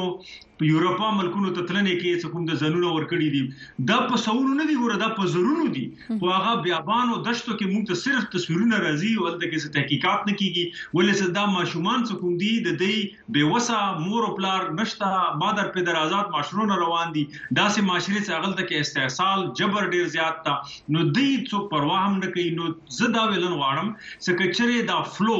یا دا برین ډرین یا دا کوم تخریب دا مونږ وی سره نو ځوانانو ته بلارې کوله ونی شي لارې بندونو کې د دوه ځوانانو فیوچر نشته نو دوه ملکونو فیوچر هم نشته ډیر مننه تاسو پروفیسور ډاکټر سید عرفان اشرف صاحب چې د خبرونه لپاره تاسو وخت راو باسو تاسو ته مننه کوم تاسو شایسته ورځ غواړم خورز ولري منلې دونکو اوریدونکو زموږ سره ډاکټر سید عرفان اشرف صاحب په دې خبرونه کې مال او ډیر په تفصیل سره تفسیر سره تفصیل سره معلومات را سره وړاندې کړل په دې لچ تاسو هم څه زندې ذکرې وی یا هم ډیر مهمه ده چې ځوانان یا هم مملکت کې د انټرنیټ ازادي وي نو ډیر مننه کو د خپل ډاکټر صاحب څخه را بسو یو بل راپورته نګین جانی هم دغه موضوع سره تړلې دي غواړو دې ته ولاړ سو د ډیوی همکار وقار احمد راته چمتو کړی دي چې په پاکستان کې د خالی ورځې نه د ټولنیز رسنۍ ویب پاڼه ویب پاڼې ایکس یا پخوانی ټوئیټر د بندیدو اطلاعات پاکستان حکومت په دې اړه تر اوسه تر اوسه پرې څه نه دی ویلي خو پاکستان د انټرنیټ صارفینو په دې بندیز څخه خبرګون شودلې دي په دې حق باندې په دې راپور کې تفصیل دی دا بدلته وایي چې دا راپور مخکې هم تاسو وړاندې شوی دی یو ځل بیا غواړو چې تاسو سره شریک کړو په الیکشن کې دو کم پریډیکټډ یا ډیزایرډ چې کومه نتیجې کوشش ودی طاقتورو حلقو هغه تر حاصل نه کړه نو په دې وخت اوازونه چې کوم دی هغه سپریس کولو لپاره دغه رسینو پاڼه هم بند کړی دا دا کوم یو پولیټیکل انجینیرینګ کوشش کوله پاکستان طاقتورو حلقو هغه انجینیرینګ ورنو نشو او چونکه الیکټرانیک میډیا الریډي د دوه په کنټرول چې دا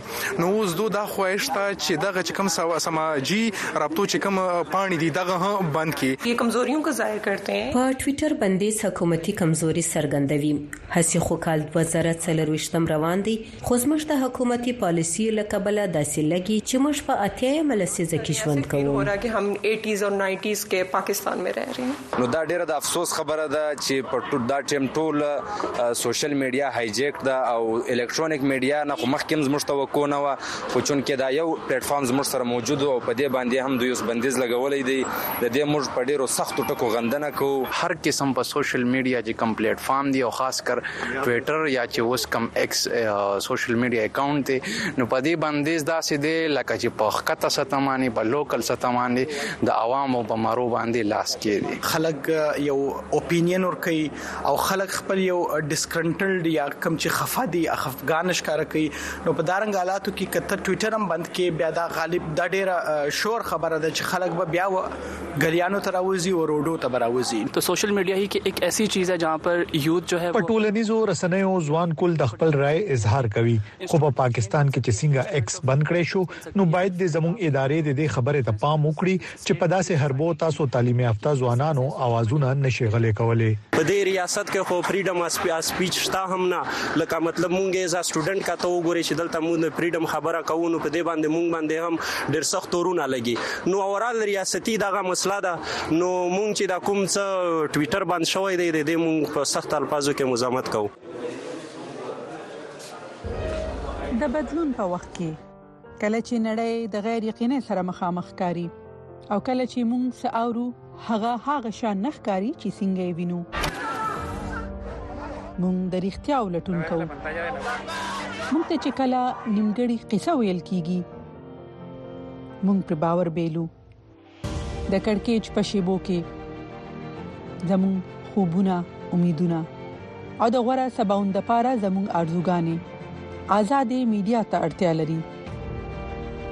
په وایس اف امریکا کې مونږ تاسو ته داسې خبرونه راوړو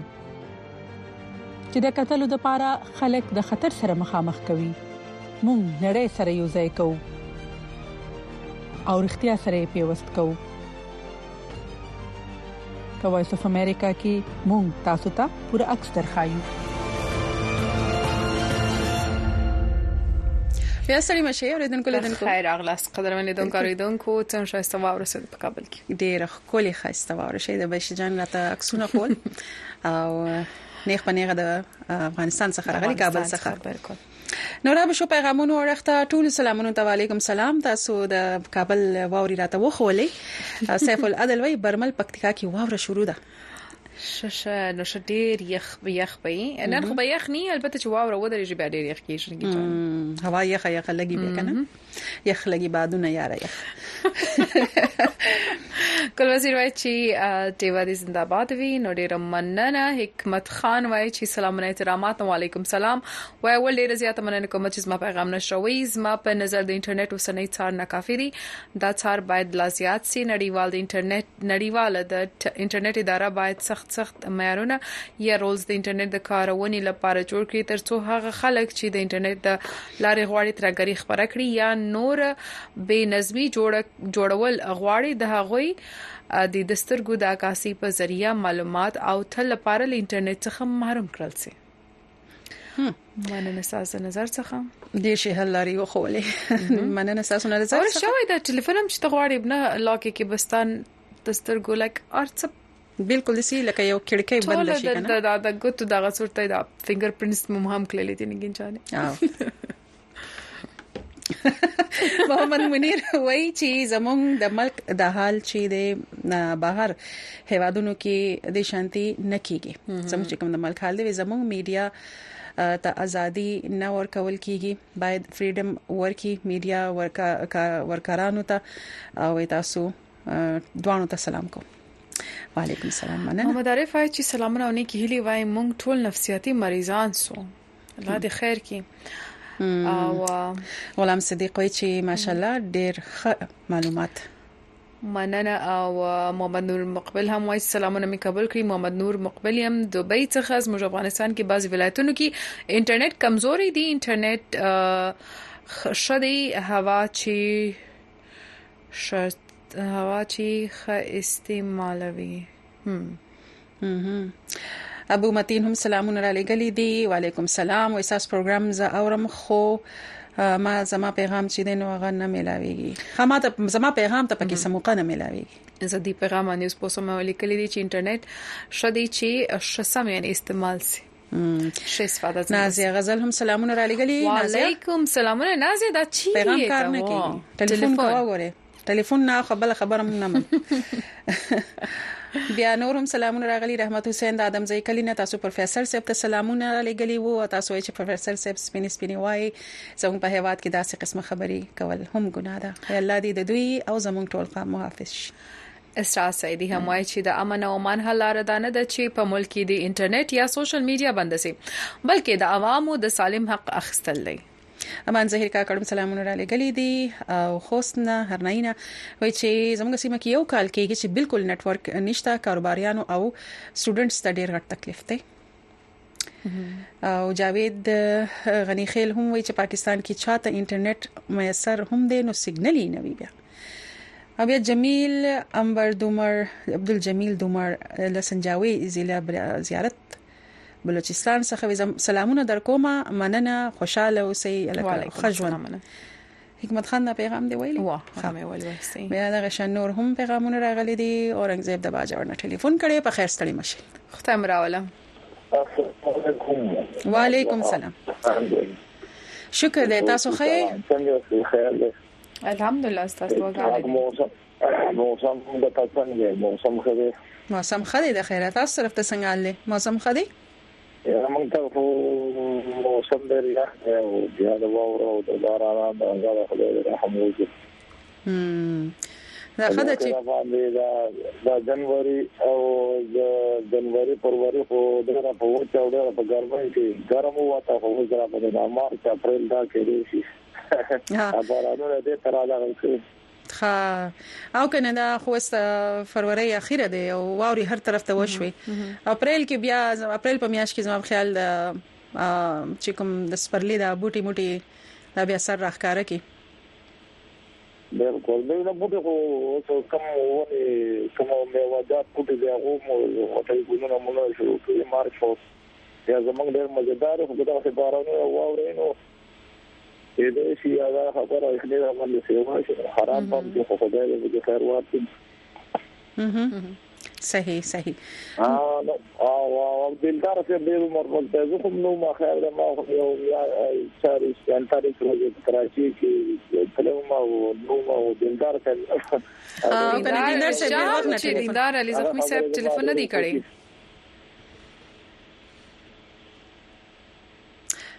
اورنګزیب صاحب اورنګزیب صاحب څه خاص پیغام ورته لري چې اور ورسیږي هغه دی ته واقعا چې موږ ته هم ډیر وخت ټلیفون نه دی کړی او کدا وام چې ژوند دې څنګه او ته اواز او احوال باندې پوره شوم زه ځان لم یو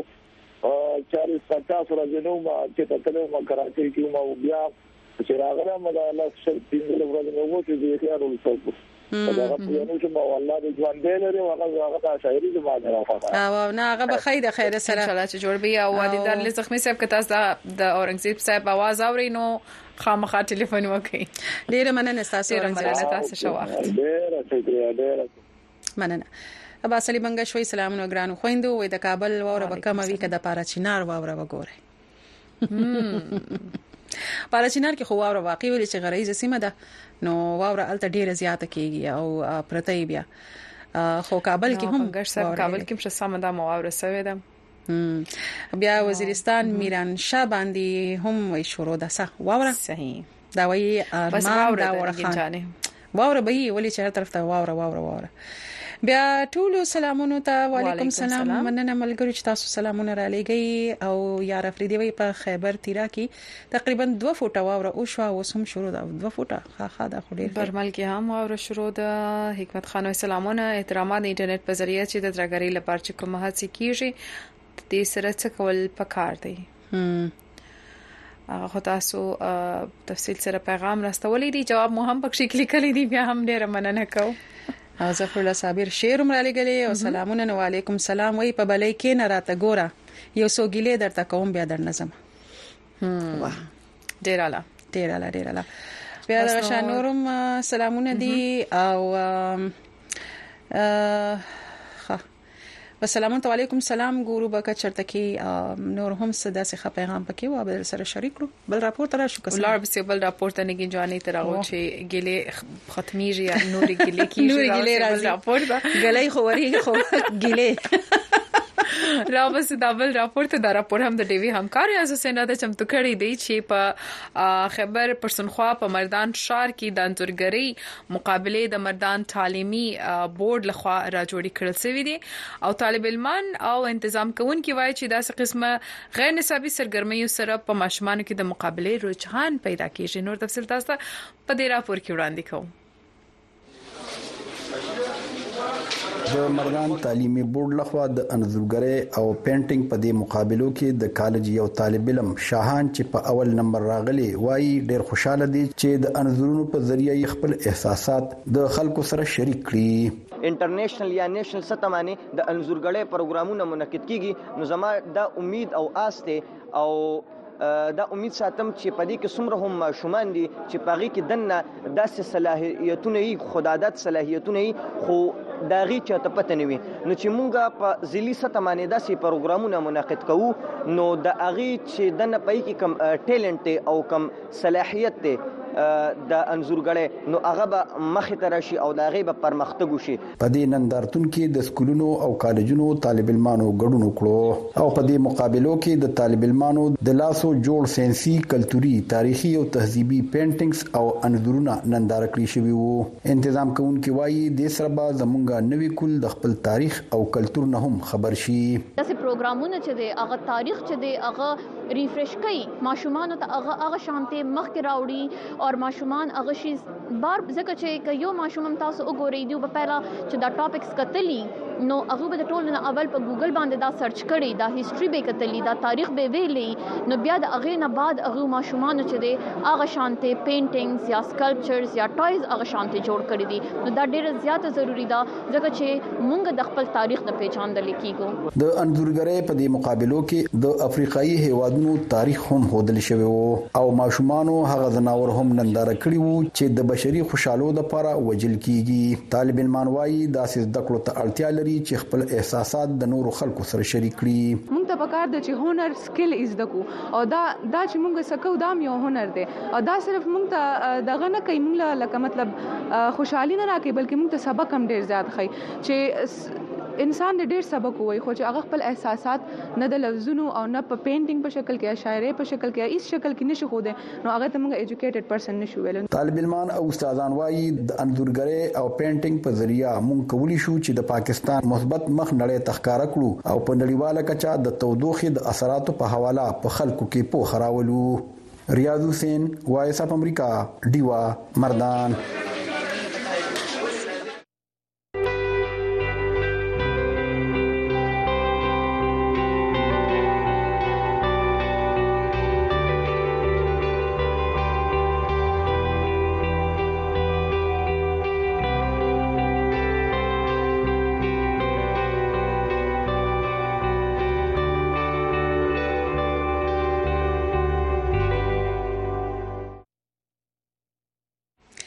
بیا ستړي مشه اوریدونکو لیدونکو بي بي شيرينې خبرونه ته او لیدونکو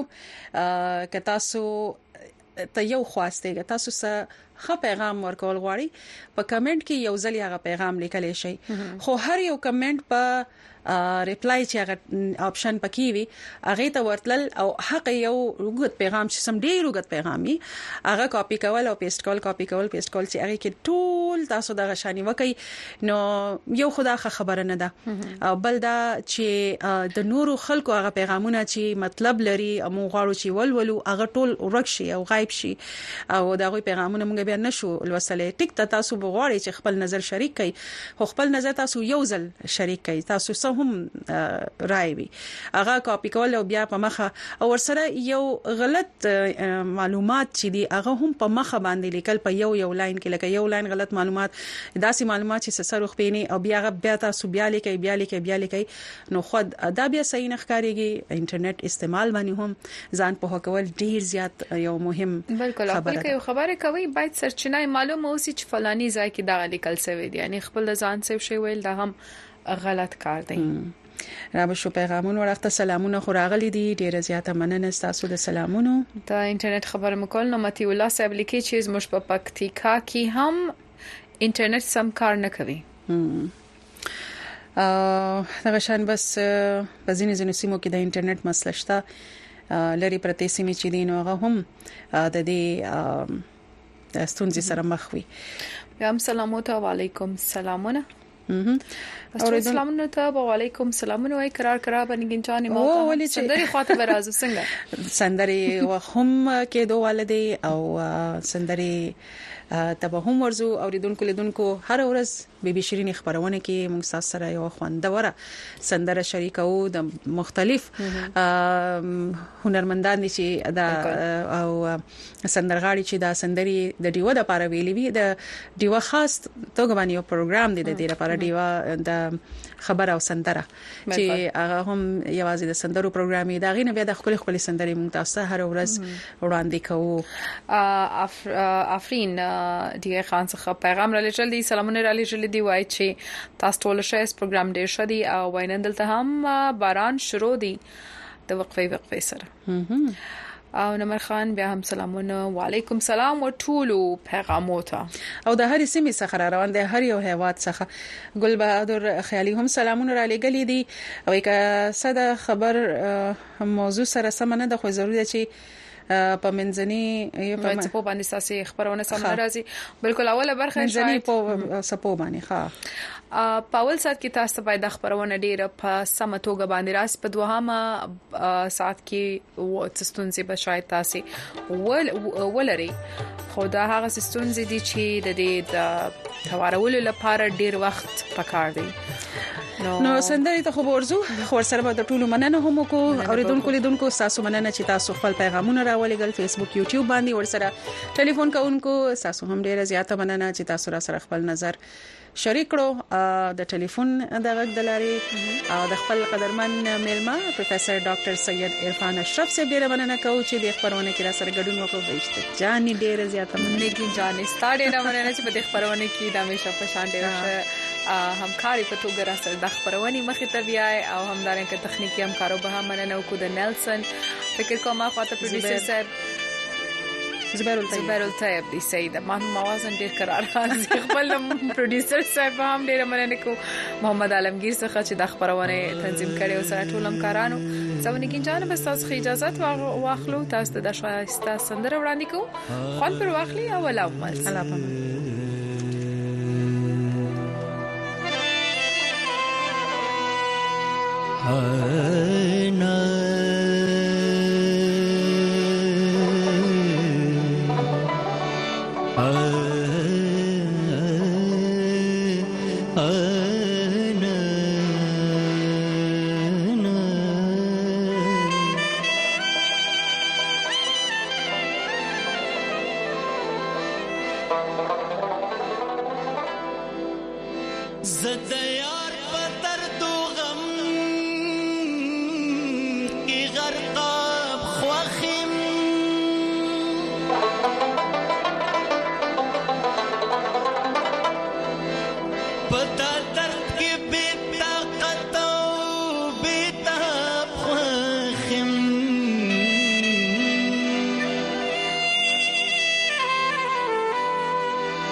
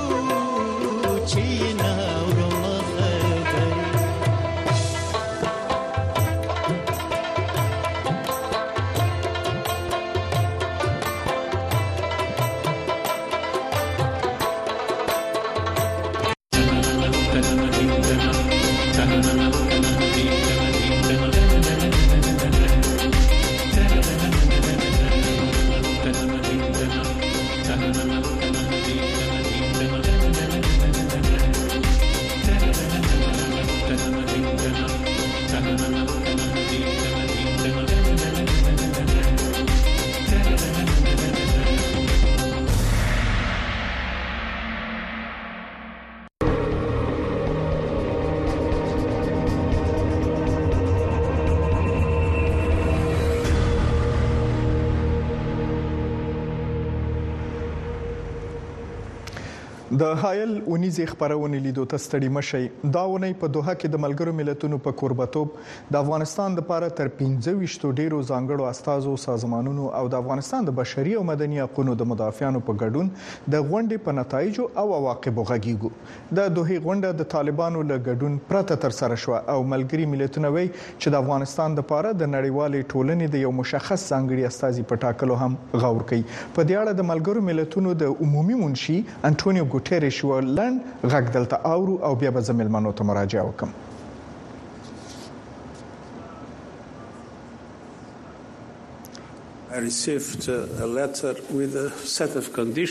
ما یو لیک ترلاسه کړی و چې د غونډې لپاره یو لړ شرایط پکې و چې د منلو وړ نه وو.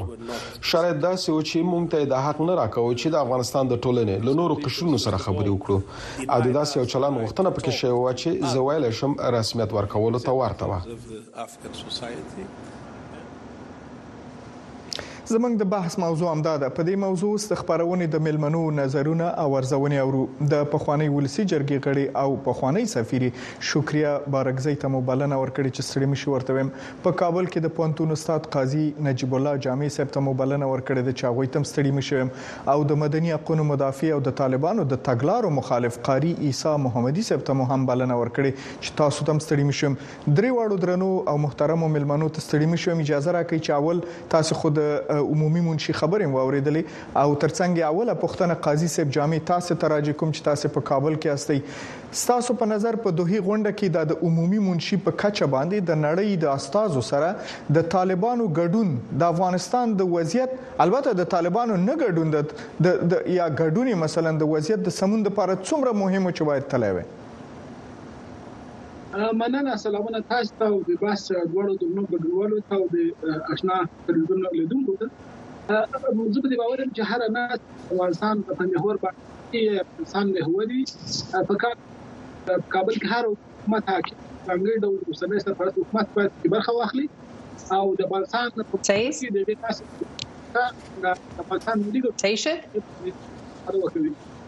د دې ترڅنګ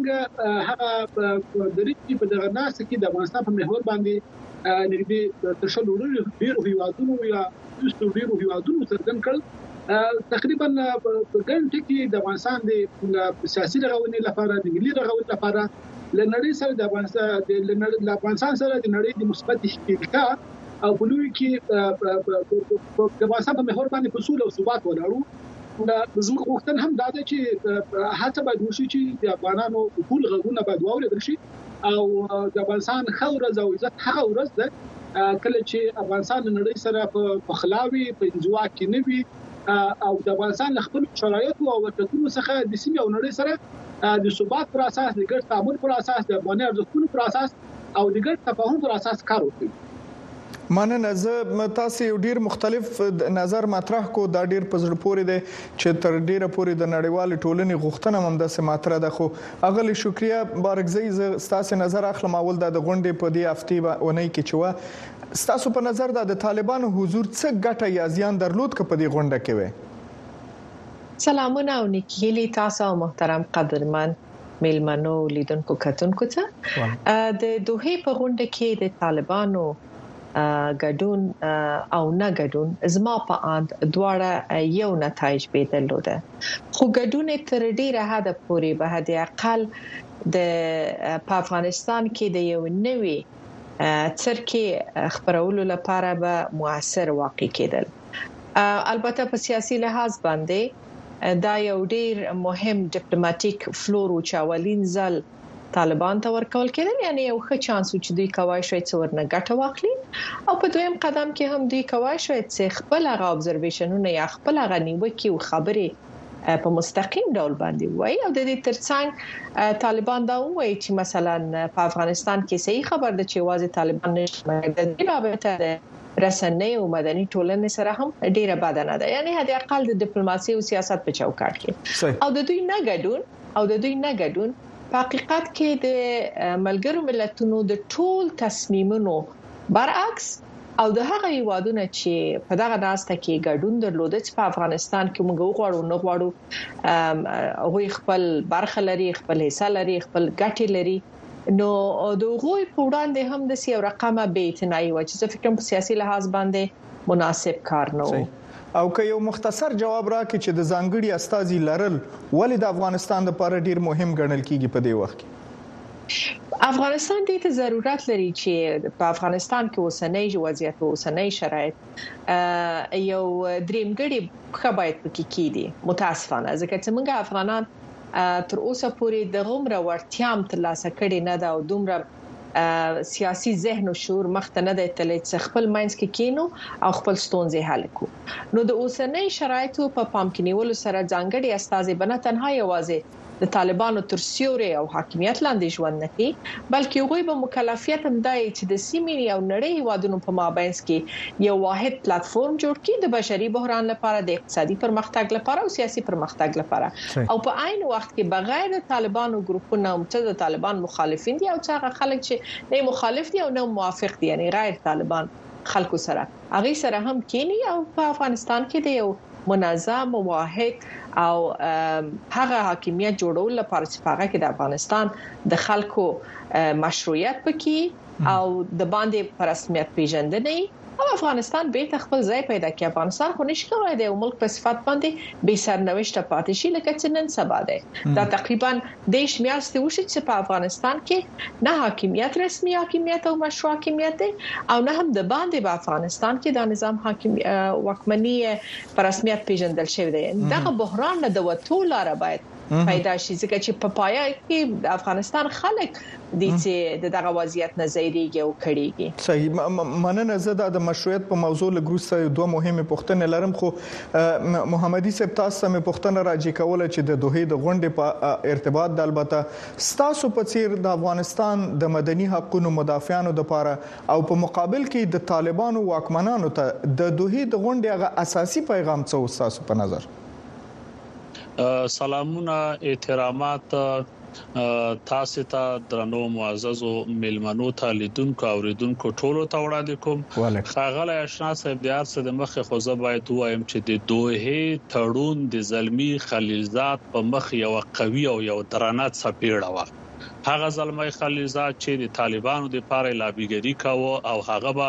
شپه ورځ همدا خبره کوله چی طالبان چینج سوی دی او دې خلکو تغیر کړی دا هغه طالبان نه دی چی په شپږ نوي کی راغلی وو تر دوه زرم کاله پوری په افغانستان کی وو صحیح محمدی صاحب خبری دی یاد نه ونزی وبخښه یوه یادونه کوم چون دلته د زلمی خلیلزاد نوم اخلی چی هغه د افغانستان د پاره د سولی استازی وو دلته حضور نه لري یا نماینده دلته موږ سره نشته زه ډیر هیله کوم ټولو نه البته چې یو بل جهتونو په معرفي او یادونو کې خصوصا د اشخاصو حد کې حرمت وساتل شي مهرباني دوام ورکړي خپل خبر حرمت په ساتو خو چې څه حقایق وي آشنا صاحب حقایق باید موږ تاسو وایي چې زمونږ ولس په غفلت کې وساته دي خلکو او نړیوالو ته هم د دوه په ناسته کې ثابت شو چې طالبان هماغه خلک دي چې ټوله نړۍ د یو کلي مثال ورکوي او افغانستان په دې کلي کې یو کور ده او نړۍ غواړي چې د دغه کور سره کلیوالتوب ولري خو دا خلک یې نه غواړي. موږ یو متل درلوده پخوا په فارسۍ کې وي چې پالوان زنده خوش است خو د دې په مطلب او په معنا داسې خاص نه پوهېدم خو چې د طالبانو دا حکومت راغلی دا دوه نیم کاله د دوی دا حاکمیت اوس زه په دې مانا باندې پوهېږم چې دا خلک د افغانستان د ولسونو فقر، غربت، بېکاري، بېروزګاري، ورځ تر بلې افغانستان د انزوا خوا ته تلل او د ټولې نړۍ د کلیوالتوب نه وتل دا دوی ته هېڅ کوم ارزښت نه لري، طالب دپاره فقط یوازې دا ارزښت لري، چې پالوان زنده خوش است او طالب په حاکمیت کې ده او طالب په مزو کې ده او طالب په چړچو کې ده په دوحې په ناسته کې چې څومره په لسګونو دیپلوماتان د مختلفو هیوادونو برخه اخیستې وه ټولو ته دا ثابته شوه چې که طالبانو ته تاسې هر څومره زړه وروړئ او دا خلک راغواړي یو تعامل ته او غواړي چې د دې خلکو سره تعامل وکړي دا د پاکستان د مدرسو تربیه شوي هماغه خلک دي چې د خپل ځان نه بغیر نور نړی ته دا خلک هیڅ د قدر او د احترام او د نړی سره د کلیوالتوب په هغه لاره باندی دا خلک نزی او دا خلک افغانستان یوی قهقرا خواته وړی نو باید په کار دا ده چی نړیوال په یو بل آپشن باندی کار وکی وخت چی طالب تا سره په تیره ناسته کیم کینناسته او په دی ناسته کی هم د سره ناسته ونکړله نو په راتلونکي ناستو کې هم دسې کومه ګرنټي نشته ده یا خو به طالب ته تاسې هغه کریډټ ورکوئ چې کوم کریډټ په په په تیر کې ورته امریکا یا په راس کې زلمي خلیلزاد ورته ورکړ او که چیرته تاسې هغه کریډټ نه ورکوئ ددوی ټول فرمایشات نه منئ او طالب تاسې د فاتح په صفت باندې نه مني بیا په هغه صورت کې دوی تاسو سره نه ناسته کوي نه ستاسو خبرې اوري نه تاسو سره تعامل کوي که د افغانستان خلک هرې تباهۍ او بربادۍ ته مخامخ کیږي که افغانستان یوې بلې جګړې ته یو نیابتي بله جګړه په افغانستان تپل کیږي هغه باندې د طالب هیڅ پروا نشته ده فقط فعلا د پاره چې طالب همدا نن ورځ په افغانستان کې کوم حاکمیت مخ ته وړي او دی پکې په نس موړ ده او په تن پټ ده او یو کاذبانه غرور یې خپل کړی ده چې ما نړۍ ته ماتې ورکړی د ده د پاره همدغه کاذبانه غرور د دې لپاره ارزښت لري مننه قاری صاحب دا تاسو د خبرو په امتداد یو شکایت چې په همدې هفته کې ډیر مطرح شو خصوصا د طالبانو د حاکمیت په اړه غداو چې د شل کلن مخالفت په وخت کې کله به چې بیرونی نړیوالو ش... ډیرو خصوصي انستیتیوتونو چې هغه ډیر مطرح نه کله به چې بلنه ورکړه دوی به په ډیرو مشکلاتو یا په ډیرو پروسې وروسته به دوی د پاره د سفر جواز جوړ شو پاسپورتونه به پیدا شو ویزه به وشولې ځکه چې دوی علاقه ډېره لرله چې چین ته لاړ شي، فرانسې ته لاړ شي یا روسیې ته لاړ شي، اما کله چې په خپل حاکمیت کې دي او دومره یو ډوی د افغانستان په سرنوشت چې یو لوی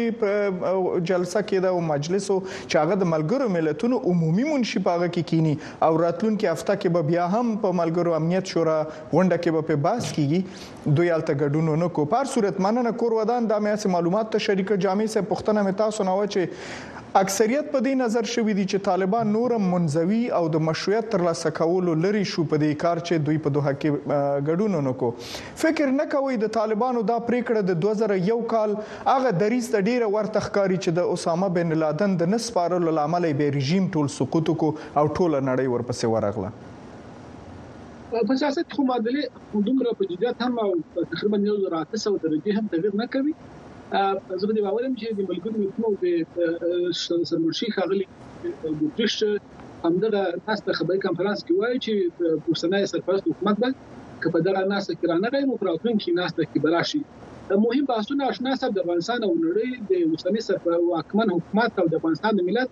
په لوی کې د افغانستان د خالي د دې چې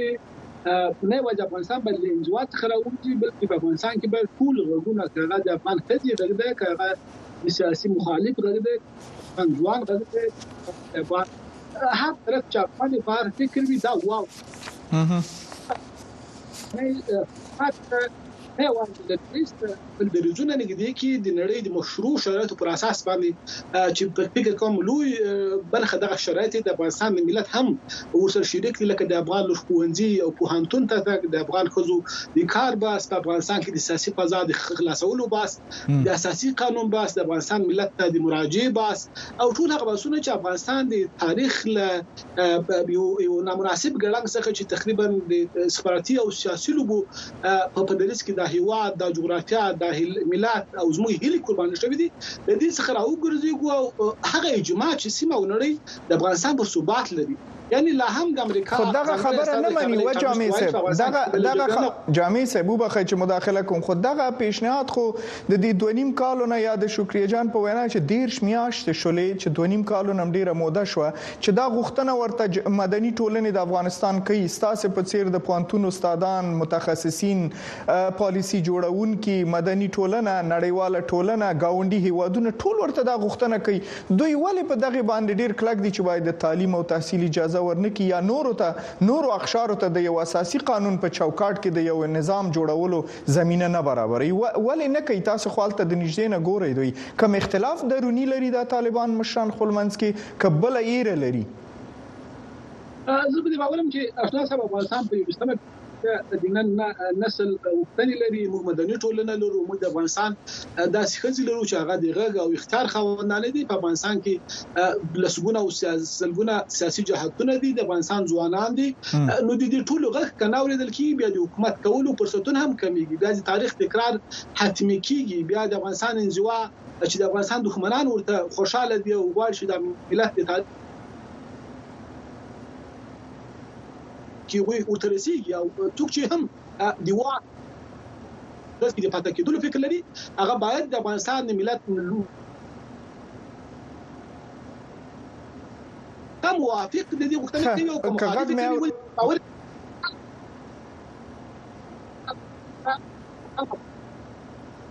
قاضي صاحب غاګم غاګم قطو وصل راځي خیر لک به ورسته بیرته راتاو شو دا خبرې میات نه ونوزي زب خپل پښتنو ته دوام ورکم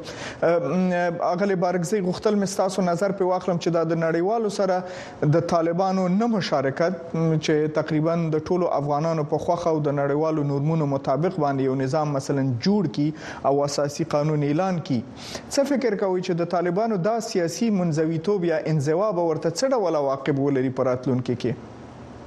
زما په اند طالبان اوس هم په یو سیاسي انزوا کې موقعیت لري، قرار لري، یعنې ځکه چې د دوی سیاسي اړیکې دنیا سره ډیر محدود دی. تاسو وینئ چې هیڅ ملک تر اوسه پورې په رسمي ډول باندې طالبان نه دی پیژندل ځکه چې هغوی پوهیږي چې خپل ملک تر تعزیرات لاندې راځي نو په اقتصادي اړخ کې زه فکر کوم چې چیرته طالبان خپل هم دغه وضعیت ته ادامه ورکړي څو شیان دوی به د لاس ورکړي اول متاسفانه بیرته تاوان افغانستان ته رسیدي کوم اقتصادي مرستې چې طالبانو سره نن سبا کیږي تاسو ته به تر معلومه ده افغانستان خلکو ته چی کومې پیسې چه نن سبا طالبان پر هغه باندې واکمنی کوي هغه د هماغه ملکونو پیسې دي همدغه سازمان ملل متحد له خوا څخه او نورو ملکونو د خوا څخه چی طالبان د هغوی خبرو ته حاضر نه دي چی وی منی دوی ته پیسې دغه اقتصادی فشار په طالبانو باندې په اول قدم کې راځي او هغه ملکونه چې طالبانو سره اقتصادی راشه درشه لري پر هغوی باندې به هم تعزیرات وضع شي په مجرد چې په طالبانو باندې او د دوی په نور مشرانو باندې تعزیرات وضع شول هر اقتصادي معادله به تر پښتنې لاندې په سیاسي معادلو کې هم تاسو ته بهتره معلومه ده چې طالبان نه ډیپلوماسي پويږي او نه ډیپلوماسي لري کله نا کله ماته خنده راځي چې دوی وایي چې ولا مونږه ښه ډیپلوماسي لرو دا د دوی د ډیپلوماسي نتیجه ده چې پس له دیش میاشتو هم د دوی رسمي هویت تر اوسه پورې معلوم نه دی، نه دننه په افغانستان کې او نه هم د افغانستانه باندې. سربېره پر دې، زه فکر کوم چې طالبان بېرته افغانستان یو بل بحران ته نږدې کوي، ځکه چې دوحې غونډه کې هم موږ ولیدل چې روسیه، چین او ایران په هغه موقف او دریځ باندې حداقل سمبولیک په ډول باندې چې د مدني ټولنو په غونډه کې ګډون ونه کړ ځکه چې وای طالبان نشته نو د دې طرف هم غږ موږ نه ویني البته هغه ملکو کې مدني ټولنې د خزي او بشري حقوقو خپل ملکو کې هم ډیر ورته وي لیوالتیا نه لري په هر صورت سره بله ولی ولی ولی د سه د سه ګمان کیږي چې اصلا ملګری ملتونه او د افغانستان گاونډیان مثلا غواړي چې د طالبانو حاکمیت کې اصلاحات راشي او نور افغان سیاسيون به د طالبانو په مشرۍ باندې خپل هیواد ته ستانه شي او ورسره کار وکړي. زه دې لپاره یو دلیل توجیه کوم، وخت اجازه راکړئ چې دا راساً د هغه د نقل قول تاسو ته وکړم. دا د بشري حقونو د څار سازمان د ښځو د څانګې مشره چې هیدر بار چې اکثراً په خبرونو کې ډیر اورئ، ده ویلي چې طالبانو لپاره دغسې خوش خدمتي کول، د هغه په قول، د بشري حقونو مدافعان په افغانستان کې د بشري حقونو څخه د ملاتړ په اړه د ملګرو ملتونو تعهد باندې شکمن کوي. یعنی دا یو زمینه سازی ده دا داسې ول داسې تصور ول پیدا ده نه دا تصور خو پر ځای تصور دی ځکه چې د وخت په تیریدو سره موږ وینو څومره چې د طالبانو محدودیتونه په د افغانستان په خلکو باندې ډیریږي مخصوصا د افغانستان میرمنو په ساته باندې او پرغوي باندې محدودیت ډیریږي په غومره اندازه باندې تمایل د طالبانو سره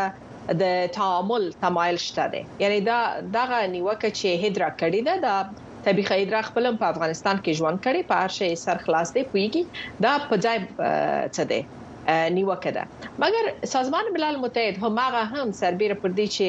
زمونږ په نظر باندی طالبانو ته ډیره خوش خدمتی کړی ده هغوی ته ډیره زمینه ورکړی ده هغوی سربیره پر دی چی یو مشروع نظام نه دی بیا هم مالي او اقتصادي سرچینې ورته ورکول کیږي د دوی په سفر باندې تعزیرات نشته بیا هم د نور هیوادونو تعامل د دوی سره شته دی سربېره پر هغه هم کوم شرایط چې باید هغه لپاره وضع کی وضع شوی نه دی زه تاسو نه یو پوښتنه لرم آیا په دې کې د افغانستان خیر او فلا نشته چې افغانستان جوړ شي او دغه انزوا نه وځي طالبان دومره په سیاسي، اقتصادي، ټولنیز لحاظ باندې خبرې په سر نه خلاصیږي، ایا دوی نه پوهیږي چې په دغه انزوا کې چې افغانستان کوم واقع ده څومره افغانستان ته دا تاوان لري، ایا دوی نه پوهیږي چې د مکتبونو د پوهنتونونو دروازې بندول څومره یو ملک ته تاوان لري او څومره شاتګ را مخته کوي، ایا دوی خپله نه پوهیږي چې دا بیچاره ښځې چې په اقتصادي ډګر کې څومره پرمختګ لري، په علمي ډګر کې څومره پرمختګ لري، دوی باندې محدودیتونه لګول او دوی باندې محدودیتونه وضع کول څومره افغانستان لپاره یو بد هویت او بد نوم اسلامي ملکونو مابینس کې او نور په نړیواله کچه باندې ورکی زه فکر کوم طالبان په دې شانو پیګ خو یو شی منګه ډیر پرې نه پیګو چې طالبان دې خبرو باندې اصلا فکر نه کوي مخکې قاری صاحب عیسی ویل پالوان زنده خوش است خبره هم په دې نه ده دوی پوهیږي چې په دا رقم دوی ژوندی نه پاتې کیږي نو ځکه طالبانو لپاره اوس درې شیان مهم دي پیسې ټولې کی خزي وکي او افغانستان نه باندې دوی خپل روابط جوړ کړي چې بیرته د تیښت لار ورته برابر شي اجازه راکړئ موږ سره جامع سه بیرته وصل شو دا غي خبرې نیم نیمګړې پاتې وي زه غواړم چې هغه بیرته بحث ته دا شامل کم جامع سه زما غږ باوري ایج همدغه پوښتنه به زه د اغلې بارکزۍ تاسو ته راجع کړم اصلا چې ما هم په بل ډول تاسو نه مطرح کړې وه چې آیا د طالبانو په مشرانو کې مخالفتونه شته دی چې یو ډله وایي چې باید تعلیم اجازه ورکړل شي ټولو ته د ټولو اقشارو ته په حکومت کې سهم ورکړل شي انتخابات دې انتخابات خو نه وایي خو وایي چې د خلکو په خوښه دې حکومت جوړ شي مګر بله ډله مطلق فرمان ورکوي هیچا ته اجازه نه ورکوي وایي که څوک راځي افغانستان ته دلته دې راشي غلي دي کیني اجازه هم نشته چې فعالیت وکړي دغه دوه دوه دریزونه ولې په افغانستان حاکمیت کې هم دا اوس موجود دي ستاسو برداشت د دې نه څه دی او څه مشکل لري که د افغانانو په خوخه یو نظام جوړ کړي ستونزه یې څه ده دا خو یعنی دوی ته ډیر کریډټ یا اعتبار ورکوي قطعا اشنا صاحب په افغانستان کې هر ډول نظام چې هغه په ولسواکي اند ولس په غوښتنو باندې نه یو لړ د افغانستان ټول سیاسي ملي قومي او ټولنیزه تنوع پکې منل شوې نه وي د افغانستان د ملت ټول د واه حقونه وشول شوی نه وي د وخت غوښتنې کې او احترام نه وي شوی دا به ناممکن وي چې حکومت والو وسی او افغانستان خو تاریخي دښمنان لري تاریخي اساساتونه لري د ټول د باید پام وسی زموږ ټینګار په تعلیم باندې د خځو په حقوقو باندې د افغانان په وحدت باندې او دا چې هر افغان حق لري په دې جغرافیا کې هیواد ته خدمت وکړي جغرافیې ته خدمت وکړي ولست ته خدمت وکړي او دې حق لري او دې چانس به ورکړل شي او دا چانس به د اساسي قانون پر اساس ورکړل شي تر هغه ځایه چې زه ګورم او کابل او د افغانستان په ګډ وډ کې وضعیت مطالعه کوو یا د بعضي خلکو خبرې اورو زه په دې باور یم چې دوی البته هغه څه چې موږ اورو دوی وایي چې موږ دې څه ته آماده یو ولې وایي وخت راکړي ولې موږ زموږ استدلال دا دی چې په هیڅ ډول باندې د نجونو د ښوونځیو پر برخه کې یو ورځ وخت ضایع کول دا د افغانستان یو کال یا یو پیړۍ شاتګ ده که تاسو غواړئ چې سیاسي اجماع په دغه ډول راولي چې تاسو خوښه ده نو دا خو بیا په لوی لاس باندې د خپل مخالفینو ته د افغانستان مخالفینو ته فرصت ورکوي که تاسو غواړئ چې د پردوی میزونو باندې نور خلک درته افغانان راټول کړي ولی دا فرصت په کابل کې نه برابروو چې په کابل کې د افغانستان په پلازمینه کې چې زموږ د ملي ګټو او د موږ د سیاسي ګټو قبله ده دلته که په هر فکر افغان ده که غستا مخالف ده که د سب جنگیدل ده که د دوست ده که د یار دا باید ته کیږي هغه ته باید فرصت ورکړي چې د افغانستان په سیاسي راتلونکي خبرې وکړي موږ نه وایو چې تاسو چاته چوکۍ ورکړي چاته وزارتونه ورکړي نه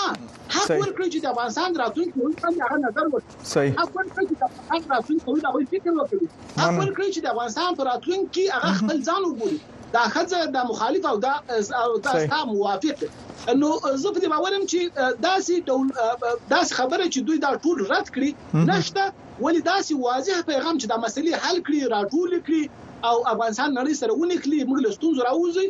دغسې واضح پیغام هم بیا نه دی اورېدلی. نو زموږ غوښتنه دا ده چې افغانستان باید له دغه وضعیت څخه اشنا صاحب راووځي. دا هېواد د ټولو کور دی، د هزاره کور دی، تاجک کور دی، مخالف کور دی، په دې هېواد کې باید اشنا صاحب سیاسي ګټوي ختمي او ټول حالت جامع صاحب مننه وخت زما ډیر کم پاتې دی او تاسو جواب ما اصلا واخستو لیدونکو په دې پوه شو زه یو یادونه بل وکم چې د دوه د غونډې نورسته د ملګرو ملتونو عمومي منشي یو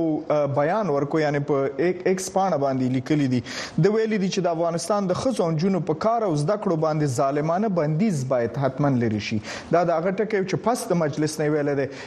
قاری صاحب عیسی تاسو نه مې غوښتله یوه پوښتنه وکړم منګه یو فکر کوم ټولي 15 دقیقې نورې لرو خو که تاسو دوه نیمو دقو کې جواب راکړئ نو بل باقي عمومي پوښتنې ته به مې یو وخت ولرم ولې د دې دوحې غونډې کې مثلا د طالبانو مخالفو جبهو استازو ته بلنه پکې نه وه ورکړل شوې هیڅ اهمیت ورنکړل شو منګه د طالبانو په باره کې ډیر وغږیدو اما مخالفینو ته خو هم څه هم نه ورکړل شوې ستاسو باور څه دی په دې اړه تر یو حد پورې چې موږ په جریان کې وو داسې ویل کېده تر لنډو ورځو پورې چې په هغه کې به سیاسيون هم فعالیت هغه ولري ګډون ولري بیا وروسته داسې خبر راغی چې نه د طالبانو د مخالفت لوجنه چې هغوی نه غواړي چې سیاسيون پکې ګډون ولري نو هغه د ته بل بڼه ورکړي چې مدني فعالان هغه پکې برخه ولري دلته هم طالبان مخالفت کاوه دوی ته یو قسم کریډیټ د خلکو ته ورکړل سو سیاسيونو ته اجازه ورنکړل چې پکې برخه واخلي او دغه مدني فعالانو هم چې برخه واخسته په دې کې هم ځینې داسې کسانو لکه ځکه مستقیم نوم واخلم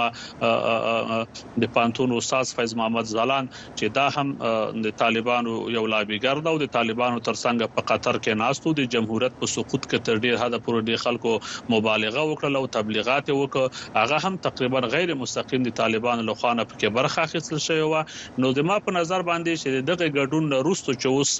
حتی د ملګرو ملتونو سرمنشي هم تر یو حده پورې عصباني کړی او په غوسه کړی چې د طالبانو کړنو ته ظالمانه خطاب وکړ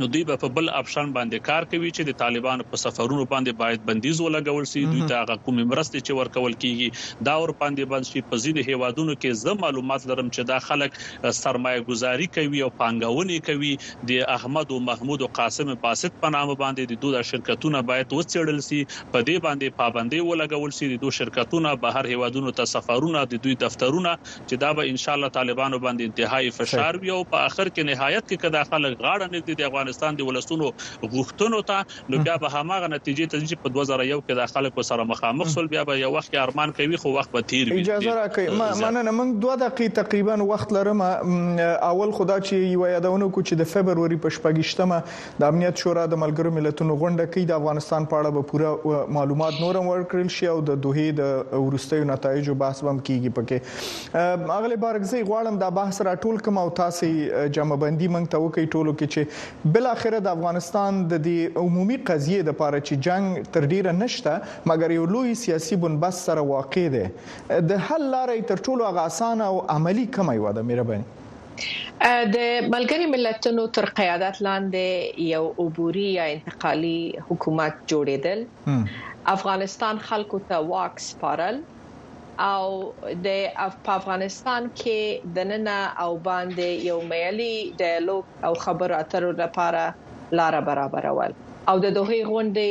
سرچینه هم دغه ده چې اخری هدف به هم دغه دری ټکی چی ما تاسو ته ویل هم دغه به یی. د دافغانستان خلکو نه مهدف څوک دی څوک مثلا چاته یی وسپاری. مخکی استاد ډیر ښایسته خبره وکړله په افغانستان کی موږ هر څه لرو ښځی نارینه ځوانان کدر. او هر یو ځان ته یو سیاسي فکر لري مګر آیا د افغانستان خلک لکه امریکا لکه پاکستان ایران روسیه نور ملکو پر رقم باندې نشي کولای په خپل لاس باندې خپل سیاسي سرنوشت تعین کړي کله چې مال چې یو بې پرې موقت اداره او عبوري اداره جوړول چې هغه زمينه دې ته برابر کړي چې د افغانستان خلک د خپل خوخي او د خپل غوښتنې پر اساس باندې یو ملي حاکمیت او مشروع حاکمیت د نه په افغانستان کې جوړ کړي څوم بهرنۍ رسمیت نه برخمن اوسي او د نه په کور کې هم هغه لازم مشروعیت ولري هدف می واضح دی نو په افغانستان خلک مغه 40 میلیونه خلک چې نن سبا په افغانستان کې ژوند کوي طالبان ولې انتخابات نه یریږي ځکه هغوی پوهیږي د خلکو په مابينځ کې نه محبوبیت لري او نه هم ځای لري کني په درې ک دوه نیم کلونو کې خو ډیر شې دي کوي شو چې انتخابات تر سره کی طالبان ولې دین ایریږي چې د افغانستان بله. خلکو سره د یو کانفرنس په صفت باندې کینی او خبرو اترو باندې غوږ مننه اغلی شکریا بارکزی کورم ودان قاضي صاحب جامع است نجیب الله جامع استاسو نم ډیره مننه او قاری صاحب عیسی محمدي استاسو د حضور نم ډیره مننه او د ټولو لیدونکو د حوصله نم مننه چې زمونږ بحث ته غوږ نیولې